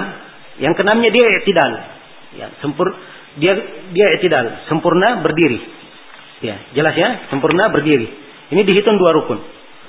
Jelas ya? Kemudian rukun yang keberapa? Yang ketujuh adalah sujud. Rukun yang ketujuh adalah sujud. Iya. Nah, ya saya katakan tadi dua dihitung dua ruku sebab di lafadznya irfa hatta ta'tadila qa'iman. Jadi dua lafaz disebut. Angkat, berdiri ya. Sampai i'tidal kamu berdiri. Jadi dua disebut. Thumma sujud hatta tatmainna sajidan. Kemudian sujudlah kamu. Ini rukun yang ketujuh. Sujud. Sujud pertama. Sujud pertama termasuk rukun. Ya. Dan sujud ini sujudnya di atas berapa anggota tubuh? Ya, di atas tujuh anggota tubuh sebagaimana di dalam hadis Ibnu Abbas radhiyallahu taala anhuma. Nah, yaitu sujud di atas apa namanya dahi dan Nabi menunjuk ke mana? Ke hidungnya. Ya. Jadi dahi dan hidung dihitung berapa? Dihitung satu. Ya. Dan dia sujud di atas kedua tangannya, di atas kedua lututnya, dan di atas ujung-ujung jari jemarinya. Nah ini semuanya harus uh, apa menempel pada saat sujud. Ya, kalau dia kurang dari hal ini, berarti dia belum dianggap apa? Belum dianggap sujud. Ada kadang yang sujud, sujud begini terangkat kakinya di belakang. Ya. Rangkat kakinya di belakang. Nah, ini belum sujud. Ada yang sujud, hidungnya dia tidak rapatkan. Ini belum dihitung. Sujud. Jelas ya? Nah. Kemudian rukun yang sembilan adalah duduk di antara dua sujud. Duduk di antara dua sujud. Nah. Hah? Kedelapan. Ya, baik. Rukun yang kedelapan duduk di antara dua sujud. Nah, ini hadis Al-Musi salatuhu thumma irfa hatta tatma'inna jalisan. Ya. Kemudian angkatlah kamu, maksudnya duduk sampai kamu sempurna duduk. Kemudian rukun yang kesembilan, Hah? Keberapa sekarang? Kesembilan. Rukun yang kesembilan adalah uh, sujud tadi sudah ya? Sujud yang kesembilan, yang ke sepuluh. Baik. Berarti Ya sujud kita hitung satu aja semuanya. Yang pertama dan kedua semuanya dihitung apa? Dihitung rukun. Rukun yang kesembilan adalah tumak nina dalam seluruh gerakan. Tumak nina dalam apa? Seluruh gerakan. Nah, yang dimaksudkan dengan tumak nina, ya dia tenang di atas gerakan tersebut walaupun sedikit. Jelas ya? Walaupun sedikit, walaupun sebentar. Ketika seorang ruku, dia ruku sudah berada di posisi ruku, walaupun sebentar itu sudah tumak nina namanya. Jelas ya? Maka ini ini mengingatkan kita orang yang ruku, ya ruku belum lagi sempurna rukunya dia sudah naik berdiri, Nah, ini sudah kehilangan satu rukun, rukun tumaninanya hilang. Jelas ya? Demikian pula orang yang sujud, ya. Ketika dia sujud, ya, tujuh anggota tubuh harus apa? Di atas ini, di atas tempat sujud. Maka ini harus tenang walaupun sedikit, walaupun sebentar. Walaupun sebentar. Jadi yang dimaksud dengan tumanina. Dia berada di atas posisi setiap rukun itu walaupun sebentar. Ini tumanina. Sebab di konteks-konteksnya hatta tatma'inna. Hatta tatma'inna. Pakai tumanina. Rukun yang ke berapa? Yang ke sepuluh adalah tasyahud akhir. Ya. Dua di sini. Duduk untuk tasyahud dan tasyahudnya. Berarti yang ke sepuluh dan ke sebelas. Ya. Duduk untuk tasyahud dan tasyahudnya. Jelas ya? Adapun duduk tasyahud, dia adalah duduk terakhir. Harus duduk. Ada membaca tasyahudnya, ya, itu diterangkan di dalam hadis Ibnu Mas'ud, hadis Ibnu Abbas dan selainnya. Mereka diajarkan ya, Al-Qur'an sebagaimana diajarkan eh, diajarkan tasyahud sebagaimana diajarkan apa? Al-Qur'an. Ya. Maka ini cenderung menunjukkan apa? Menunjukkan rukunnya. Baik. Ini sudah berapa? Hah? Sudah uh, eh, 11. Ya. Kemudian rukun yang berikutnya, nah inilah yang saya ingin e, bahas di sini. Sebagian para ulama ada yang menghitung membaca salawat terhadap Nabi. Ya, membaca salawat ada yang menghitungnya sebagai rukun. Nah, ada yang menghitungnya sebagai rukun. Dan ini dalam menghitungnya sebagai rukun ini perlu ditinjau kembali. Ya, sebab apa? Dia datang ya dari tuntunan Nabi Shallallahu Alaihi Wasallam dan anjuran beliau dan dari dalil-dalil yang ada ini kelihatannya tidak mendukung ya untuk menganggapnya sebagai rukun. Untuk menganggapnya sebagai rukun. Karena itu Syekh Ibn Utsaimin beliau tidak menghitung ini sebagai rukun. Jelas ya? Walaupun di kebanyakan buku-buku fikih dihitung sebagai rukun. Ya, jadi kalau antum mau tulis ini sebagai rukun, tulis saja tapi dikasih catatan bahwa yang benarnya dia bukan apa? Bukan rukun. Nah, kemudian yang ke-13 adalah mentertib antara rukun-rukun itu. Harus dilakukan secara apa? Secara berurut. Sebab Nabi ketika mengajarkan, kamu lakukan ini. Thumma, kemudian. Thumma, pakai thumma terusnya. Secara apa? Secara berurut. Ya. Kemudian beliau lakukan, thumma fa'al dalika fi salatika kulliha. Kemudian lakukan ini pada seluruh salatmu. Ya. Kemudian rukun yang terakhir adalah salam. Rukun yang terakhir adalah apa?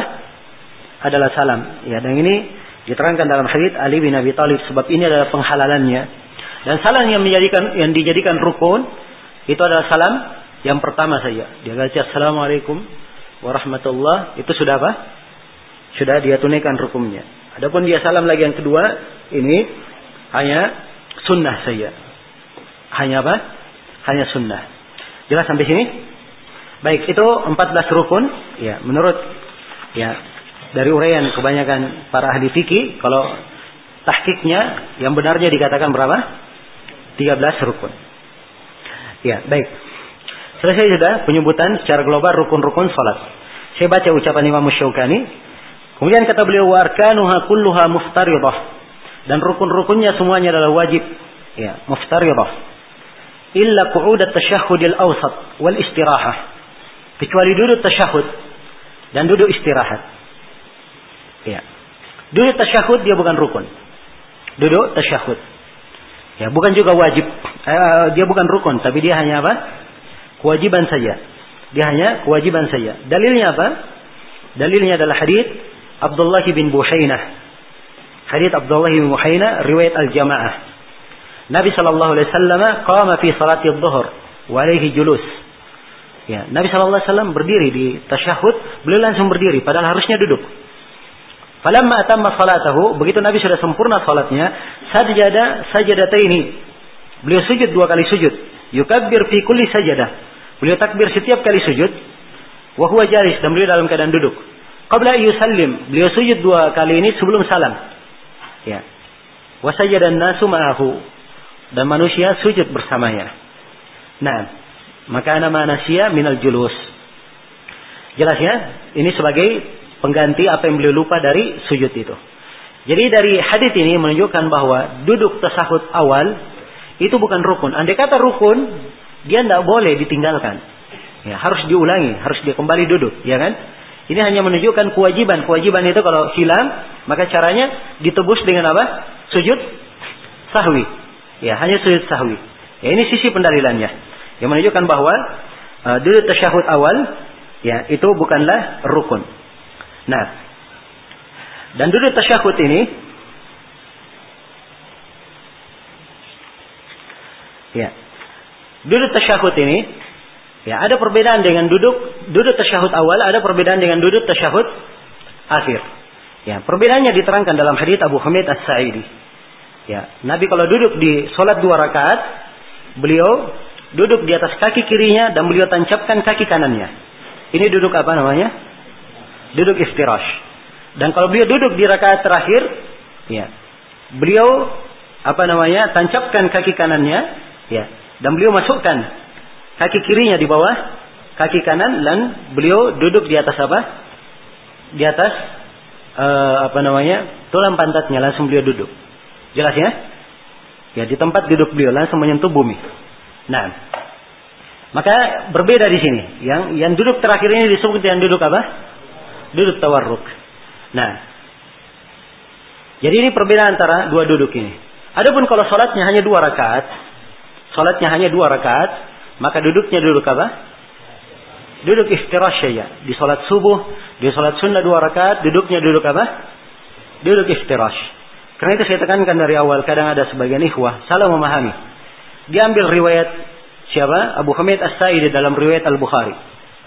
Ya, datang riwayat Abu Hamid As-Sa'id dalam Al-Bukhari bahwa Nabi duduk di dua rakaat terakhir, beliau duduknya duduk tawarruk. Disebutkan riwayatnya. Ya, maka ini ringkasan riwayat dalam apa? Sahih Bukhari. Harus diambil rincian riwayatnya. Sebab hadits Abu Hamid As-Sa'id banyak jalan-jalannya. Dan Imam Al-Bukhari biasanya memenggal apa? Riwayat. Maksudnya dua yang terakhir ini setelah ada tasyahud awal. Ada tasyahud awal. Ya, maka di sini pentingnya mengumpulkan jalan-jalan hadis dan memahami hadis itu dengan pemahaman yang benar. Ya, jelas ya. Walaupun memang benar di dalam masalah ini ada dua pendapat. Ya, di sholat yang dua rakaat ada yang berpendapat duduknya duduk tawarruk, ada yang berpendapat duduknya duduk iftirash. Tapi di masa ini tidak ada dari ulama kita yang memfatwakan duduk di sholat dua rakaat selain daripada apa? Salat seperti selain daripada duduk iftirash. Ya, tidak pernah kita melihat ada seorang alim pun di masa ini dari ulama besar kita yang duduk selain daripada duduk apa? Duduk iftirash di salat yang dua rakaat. Di salat yang dua rakaat. Nah, ya dan harusnya pemahaman mereka lebih didahulukan. Iya. Baik, kemudian di berikutnya kata Syukani, ada pun duduk istirahat, ya. Jalsa istirahat itu dia bukanlah kewajiban. Ya, mengatakan sunnah pun ini ada perbedaan pendapat di kalangan para ulama. Apakah duduk istirahat itu dihitung sunnah atau tidak? Kalau disyariatkan iya, ada syariatnya.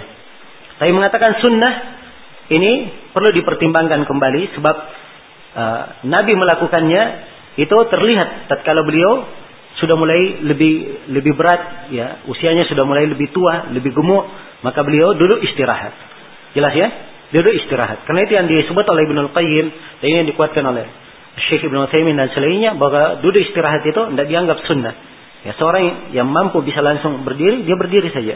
Tidak ada masalah. Tidak harus dia duduk, duduk istirahat. Nah, tapi di sinilah pentingnya seorang melihat makmum. Ya, dia melihat imamnya. Kalau imamnya duduk istirahat, dia ikut duduk istirahat. Jelas ya? Dia duduk istirahat. Ya. Supaya dia jangan tergolong kepada orang yang mendahului apa? Imam. Kemudian kata beliau, "Wala yajibu min azkariha illa takbir." Dan tidak wajib membaca dikirnya, ya, membaca dikirnya kecuali takbir. Ya. Tidak wajib membaca dikirnya kecuali takbir. Ya. Di sini diterangkan di sini oleh Imam Syaukani tentang masalah uh, apa namanya? Uh, apa yang dibaca di dalam salat itu. Yang pertama dia wajib membaca takbir. Nah, takbir ini ada beberapa macam. Ya. Takbir itu ada beberapa macam. Kalau saya bisa globalkan, takbir itu ada tiga macam di dalam salat. Ada takbiratul ihram. Takbiratul ihram sudah berlalu hukumnya apa? Hah? Hukumnya rukun. Ya. Takbir yang kedua adalah takbir al-intiqal, takbir perpindahan. Ya.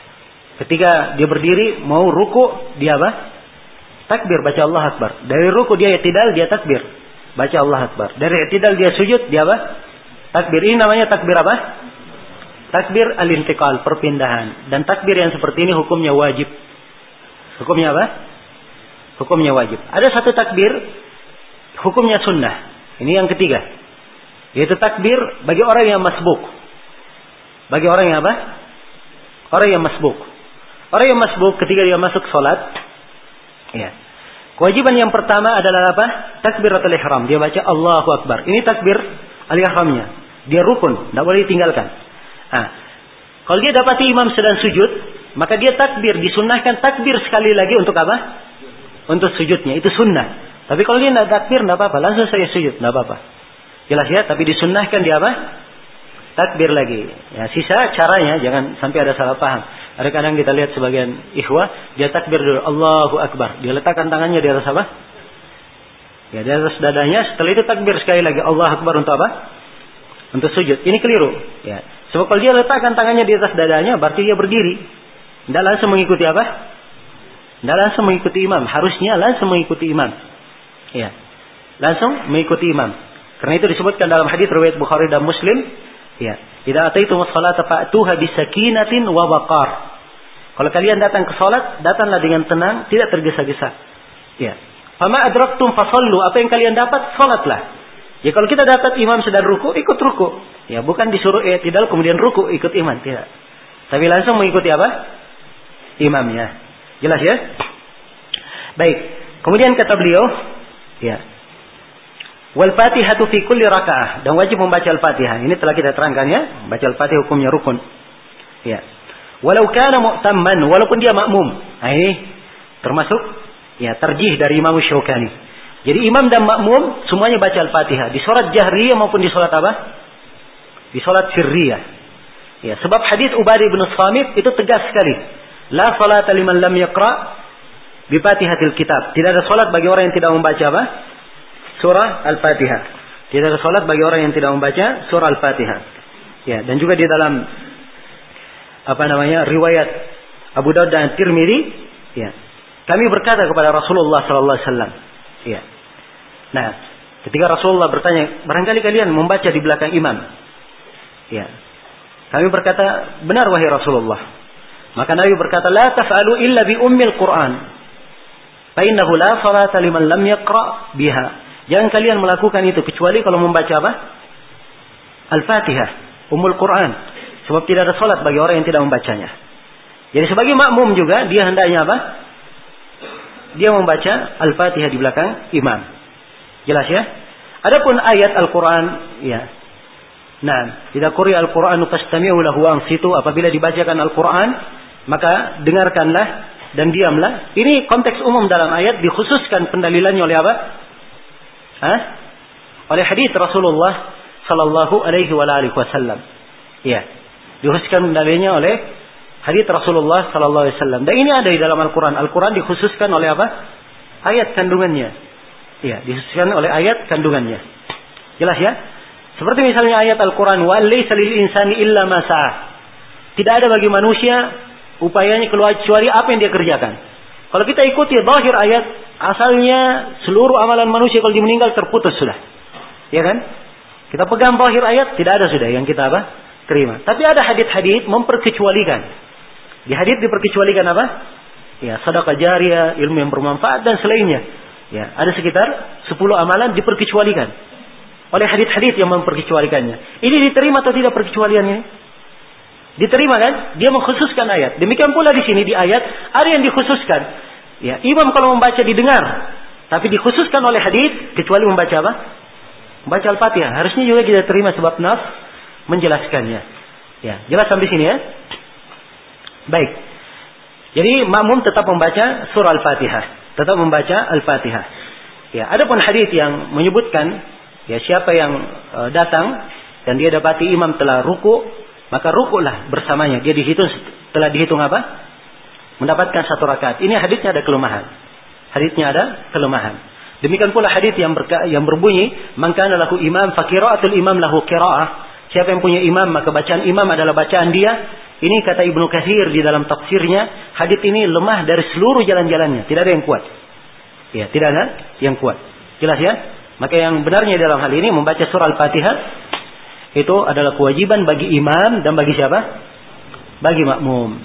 Ya, ini pendapat yang saya anggap kuat di dalam hal ini berdasarkan apa yang saya uraikan tadi. Ya, dan tentunya dimaklumi ya, ada ulama lain yang berpendapat dengan pendapat yang lain. Ya, silakan antum periksa dan antum lihat dalil-dalilnya. Dan masalah-masalah yang seperti ini sering saya tekankan. Dia masalah khilafiyah. Ya, kalau seorang melihat ada dalil yang dia pegang, diikuti sebagai hal yang kuat, ya silahkan dia ikuti. Tidak usah bikin ribut-ribut dengan orang yang lain yang tidak mengikuti pendapatnya. Ya, yang penting sepanjang dia berpegang dengan dalil, sudah lepas tanggung jawabnya antara dia dan antara Allah Subhanahu wa taala. Tidak perlu dia apa namanya sibuk dengan orang lain, yang orang lain juga itu berpegang dengan dalil antara dia dan antara Allah Subhanahu wa taala. Maka ini yang saya nasihatkan. Kadang sebagian ikhwah, masalah-masalah yang kadang cabang apakah digerakkan jari ketika tasyahud atau tidak, apakah ini atau ini, apakah dihitung satu rakaat atau tidak, ya. Ketika seorang itu apa namanya sholat di mana diletakkan, apakah di dada atau di di perut dan seterusnya. Ini hal-hal yang seperti ini, ya terdapat perbedaan pendapat di kalangan para ulama. Tidak usah terlalu apa namanya dianggap sebagai masalah yang dianggap bid'ah orang yang menyelisihinya, dianggap sebagai ahlul bid'ah orang yang menyelisihinya. Ya, ini masalah-masalah yang mungkin seseorang itu memberikan keluasan di dalamnya sepanjang orang itu berpegang dengan dalil. Adapun kalau orang tersebut hanya berpegang dengan hawa nafsunya atau taklid, ini pasti adalah hal yang tercela. Ya, dalam segala perkara apa pun. Baik, kemudian dalam pembahasan berikutnya kata Syaukani rahimahullah ya, wa tasyahhudul akhir wa taslim dan wajib tasyahud akhir. Ini sudah kita terangkan ya, tasyahud akhir hukumnya wajib. Wa taslim, demikian pula salam. Demikian pula salam. Kemudian kata beliau, "Wama ada dalika pasunan." Apa yang selain dari itu, maka itu hukumnya adalah apa? Hukumnya adalah sunnah. Iya. Nah, jadi pembahasan yang ketujuh hukum tasyahud akhir dan selawat. Ini sudah kita terangkan ya. Tasyahud akhir hukumnya apa? Dia rukun. Adapun selawat hukumnya dia wajib bukan rukun. Ya. Adapun bentuk-bentuk selawat, ya asalnya bentuk-bentuk selawat itu dibaca Ya seperti yang diajarkan oleh Nabi dan banyak sekali bentuk selawat yang diajarkan. Ya, yang paling lengkapnya yang merinci bentuk-bentuk selawat itu sepanjang yang saya pernah baca itu adalah Syekh Al Albani rahimahullahu taala di dalam kitab beliau sifat salat Nabi. Ya, subhanallah beliau merinci riwayat-riwayat semua riwayat yang syah dengan sanad yang sahih tentang selawat yang dibaca di salat. Makanya asalnya selawat-selawat ini kadang dibaca ini, kadang dibaca itu. Nah, kemudian pembahasan yang kesembilan adalah kewajiban-kewajiban sholat. Ya. Mungkin di sini kita akan rinci beberapa kewajiban sholat. Yang pertama seluruh takbir selain dari takbiratul ihram. Ini yang disebut dengan nama takbir al-intiqal. Dia adalah wajib. Telah kita terangkan ya. Ya. Sisi kewajibannya sebab ini diterangkan dalam hadith-hadith ya dan dirinci tempat-tempatnya yang mengesankan Nabi tidak pernah meninggalkannya. Itu menunjukkan wajibnya. Baik, kita kita katakan dia wajib bukan rukun, ya, karena dia tidak ada dalam hadis al-musyi salatu. Kemudian berikutnya yang kedua adalah membaca sami Allahu liman hamidah. Ini termasuk apa? Kewajiban, ya, salat. Membaca sami Allahu liman hamidah. Nah, kemudian yang ketiga membaca Rabbana walakal hamd. Ya, Rabbana walakal hamd. Ya, adapun membaca sami Allahu liman hamidah itu kewajiban bagi siapa? Bagi imam dan orang yang sholat sendiri. Adapun bagi makmum, ini silam pendapat di kalangan para ulama. Ya, yang bahir dari hadis hadis itu menunjukkan bahwa makmum dia tidak wajib membacanya. Ingat ya tidak apa? Tidak wajib dia baca. Tapi apakah boleh makmum membaca? Ya. Dalam konteks riwayat yang menjelaskannya, ya, tidak disyaratkan ada larangan. Tidak disyaratkan ada larangan. Nah, tapi memang hadisnya disebutkan kalau imam berkata sami Allahu liman hamida, maka dia berkata Rabbana walakal hamd. Ya. Tapi tidak disebutkan di dalam riwayat tersebut bahwa tidak dibaca Rabb, dia tidak membaca apa? Sami Allahu liman hamida, hanya disebutkan tambahannya. Ya, bagi siapa yang ingin membacanya tidak ada masalah insyaallah taala bagi makmum. Ya. Tapi bagi imam dia wajib membaca apa? Sami Allahu liman hamidah. Ya, kemudian bagi imam dan makmum semuanya membaca Rabbana walakal hamd. Ya, ini ada empat sifat dalam riwayat. Boleh membaca Rabbana walakal hamd itu yang pertama. Yang kedua boleh membaca Rabbana lakal hamdu tidak ada wawunya. tidak pakai wah. Jadi langsung Rabbana apa? Lakal hamd. Kalau pertama tadi apa? Rabbana wa lakal hamd. Yang kedua Rabbana langsung lakal hamd. Yang ketiga dan keempat sama dengan yang kedua dan yang pertama dan kedua. Cuma ditambah kalimat apa di depannya? Allahumma. Ya, jadi yang ketiga boleh membaca Allahumma Rabbana walakal hamdu. Yang keempat Allahumma Rabbana apa? Lakal hamdu. Jelas ya?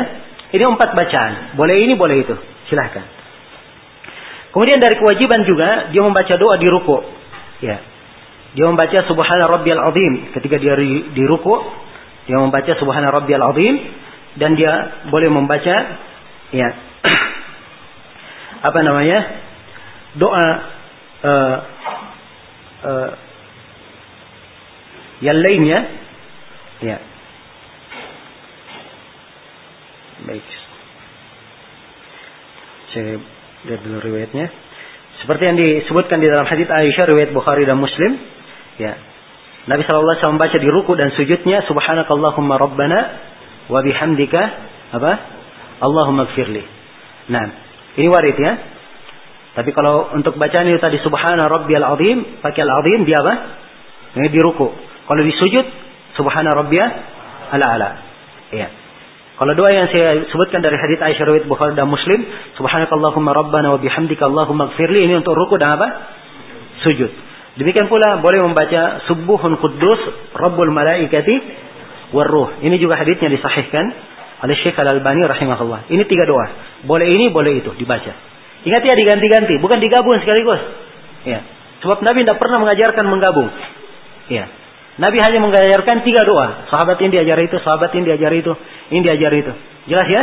Menunjukkan kadang ini, kadang itu. Ya. Adapun kalau dia gabung sekaligus, itu tidak diajarkan oleh Nabi sekaligus pengajarannya. Jelas ya? Ini perhatikan detailnya seorang di dalam mengambil dan memahami, mencermati pendalilan-pendalilan. Ya.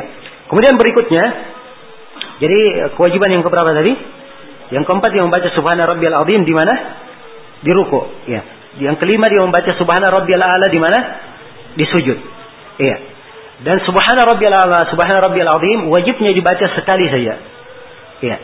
Nah, adapun kalau dia lebih dari itu dia baca tiga kali, boleh saja. Dan paling banyaknya dibaca sepuluh kali. Paling banyaknya sudah. Dibaca sepuluh kali.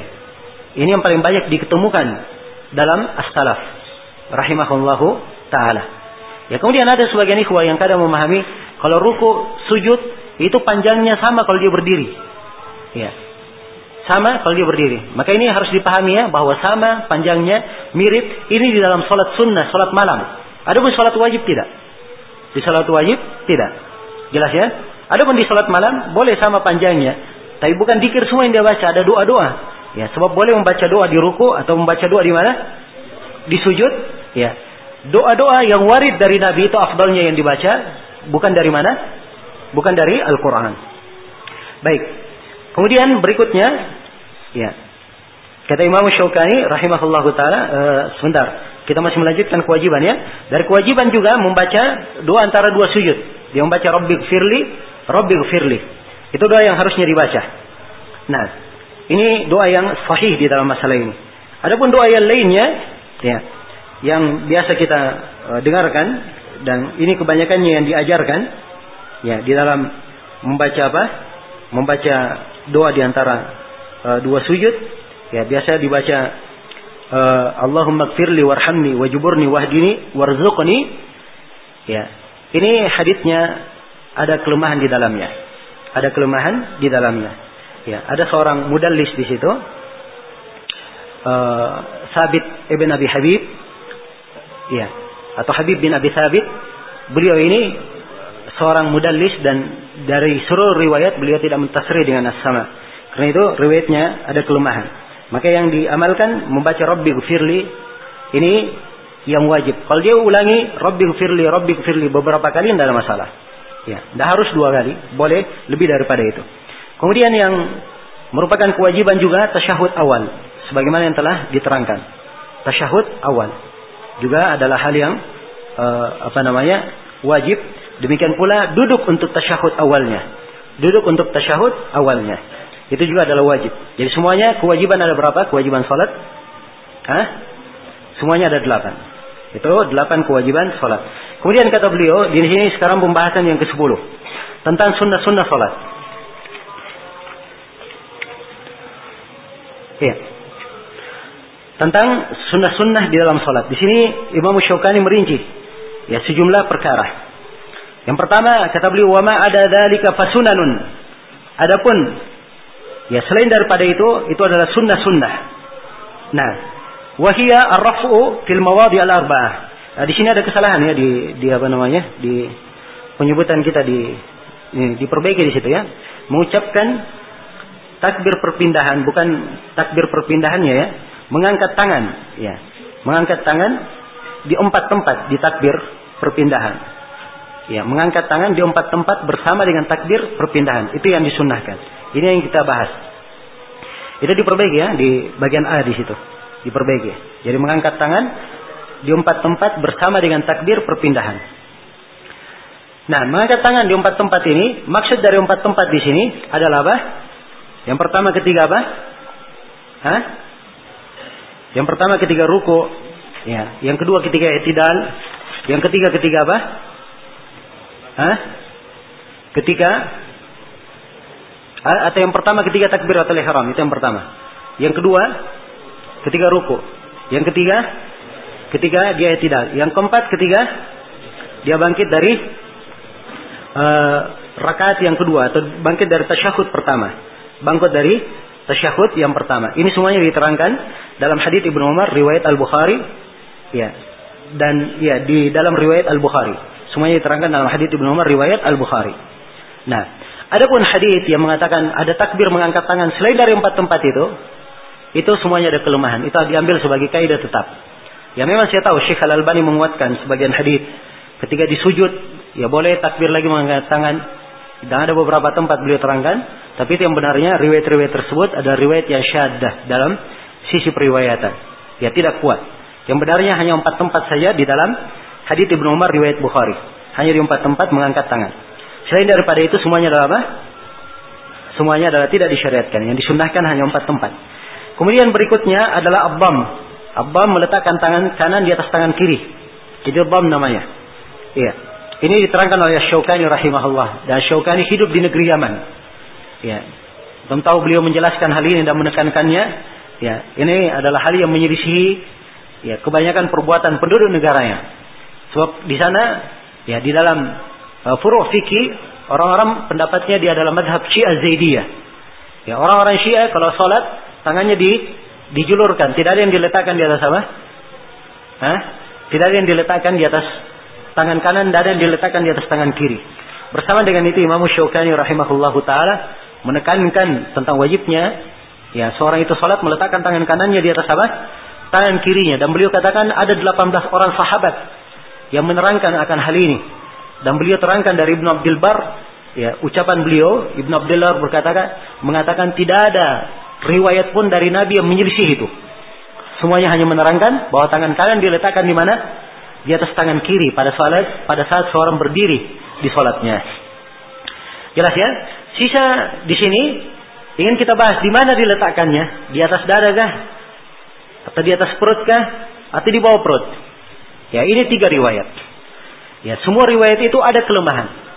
Termasuk yang meletakkan di atas dada ada kelemahan. Yang paling kuatnya memang riwayat yang di atas dada. Ya, yang paling kuatnya mursal taus itu yang paling kuat. Jelas ya, mursal taus dan mursal lemah. Ya, ada riwayat yang dikuatkan oleh Syekh Al-Albani dari Wail bin Hujr, tapi riwayatnya juga syad. Riwayatnya syad.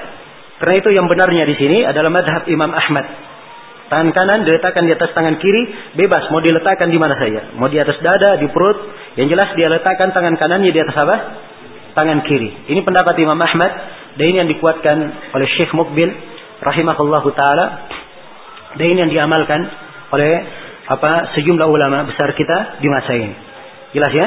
Karena itu saya sering mengatakan kepada sebagian ikhwah, ya jangan sampai kita ada sebagian ikhwah kadang cuma membaca panduan solat dari Syekh Al Albani ya kita syukuri.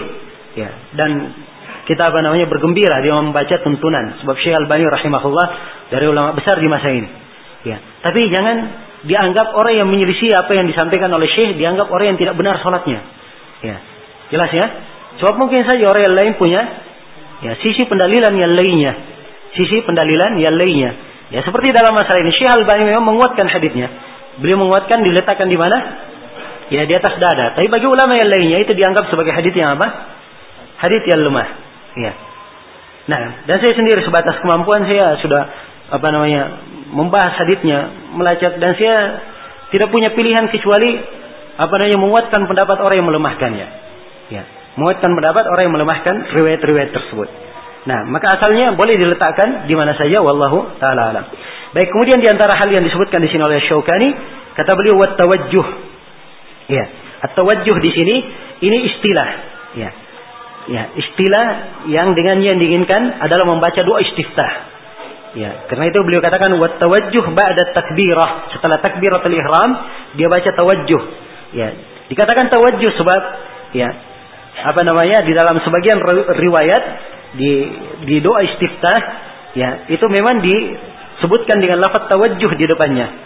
Allahumma inni wajjahtu wajhiya. Ya kan begitu. Karena itu disebut dengan istilah apa? At-tawajjuh. Ya. Dan lebih umumnya dikenal dengan istilah doa istiftah atau doa iftitah. Ya, dan doa iftitah ini banyak riwayatnya. Boleh membaca Allahumma inni wajjahtu wajhiya sampai akhirnya. Dan ini yang paling panjangnya di Sahih Muslim. Ya, boleh dibaca di sholat malam dan boleh dibaca di sholat wajib. Walaupun riwayatnya, ya ada yang menerangkan bahwa dia di sholat malam dibacanya. Jelas ya? Dan yang paling populernya dan paling sahihnya adalah membaca Allahumma bait baini wa baina khataya. Ini yang paling sahihnya. Riwayat Bukhari dan Muslim. Ada yang paling ringkas. Dan ini cocok bagi orang umum.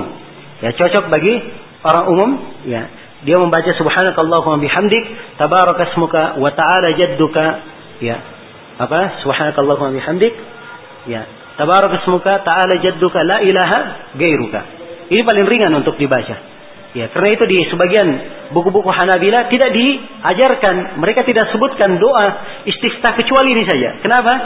Sebab bagi masyarakat umum ini lebih mudah untuk dihafal. Lebih mudah untuk dihafal. Ya, sehingga kita lihat di sebagian tempat orang-orang tua, ya mereka baca doa istiftah tidak ada yang dihafal kecuali itu. Ya.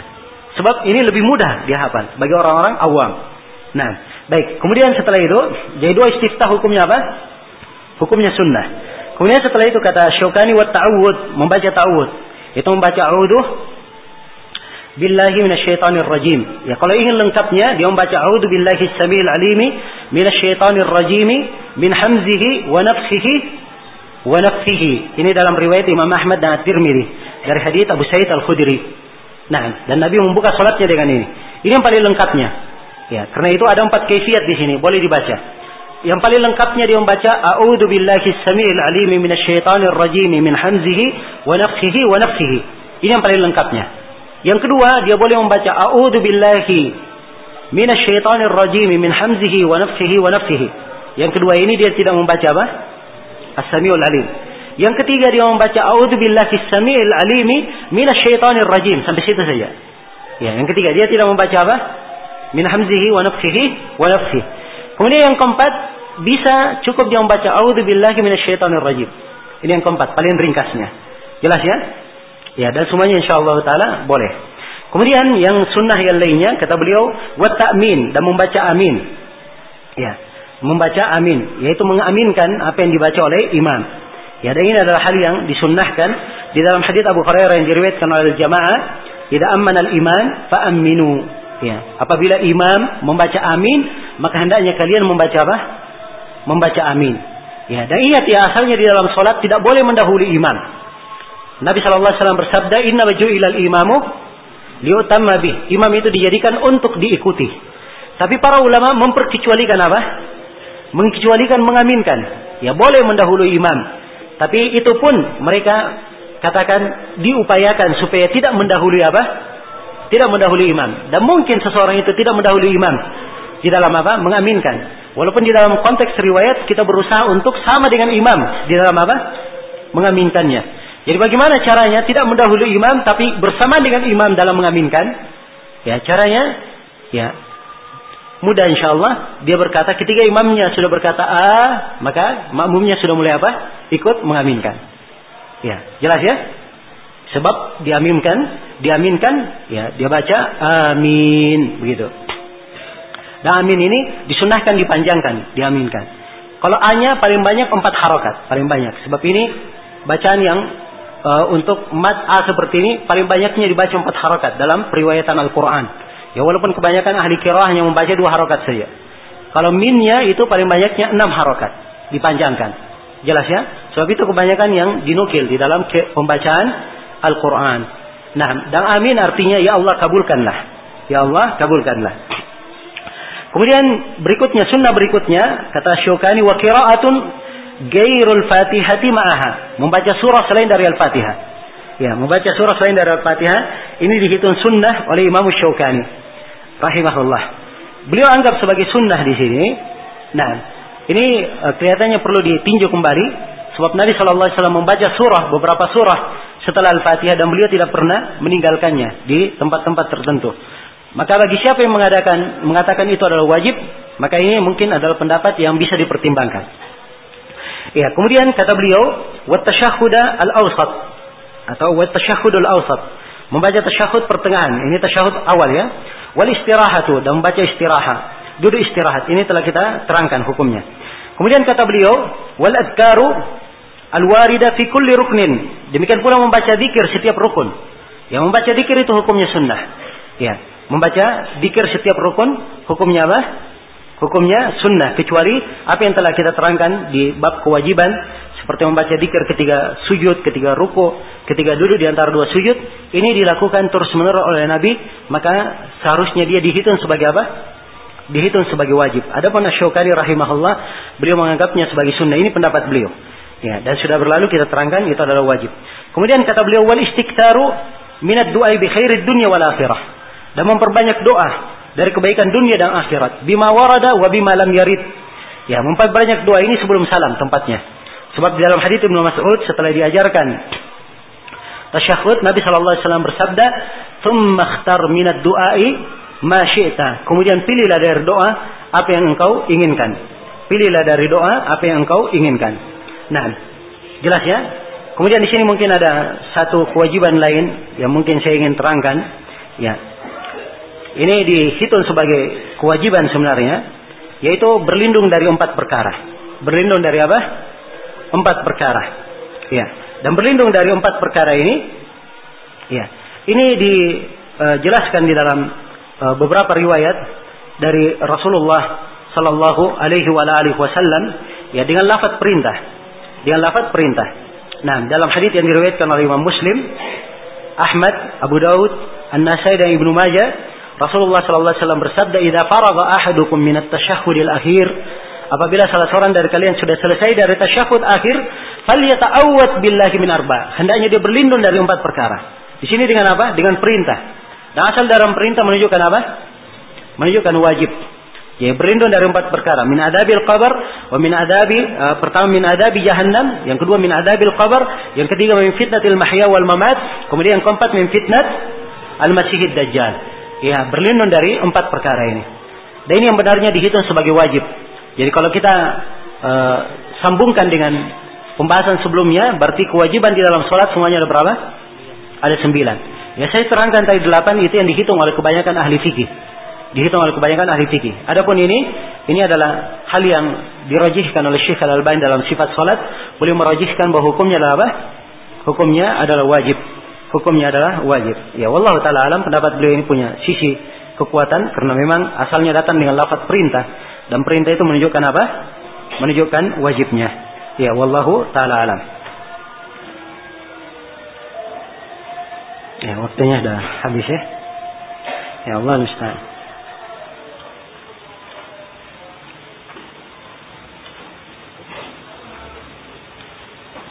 Ya, semoga kita bisa mengejar target di hari ini. Ya, insya Allah taala kita lanjutkan nanti setelah sholat asar habis duhur ini insya Allah taala ada tausiah dari uh, para tidak yang lainnya. Semoga Allah Subhanahu wa taala memudahkan seluruh perkara dan memberikan manfaat kepada kita semua pada apa yang kita pelajari dan menjadikan apa yang kita pelajari rahmat untuk kita semua di dunia dan di akhirat. Wallahu taala alam. Subhanakallahumma bihamdik asyhadu an la ilaha illa anta astaghfiruka wa atubu ilaik walhamdulillahi rabbil alamin.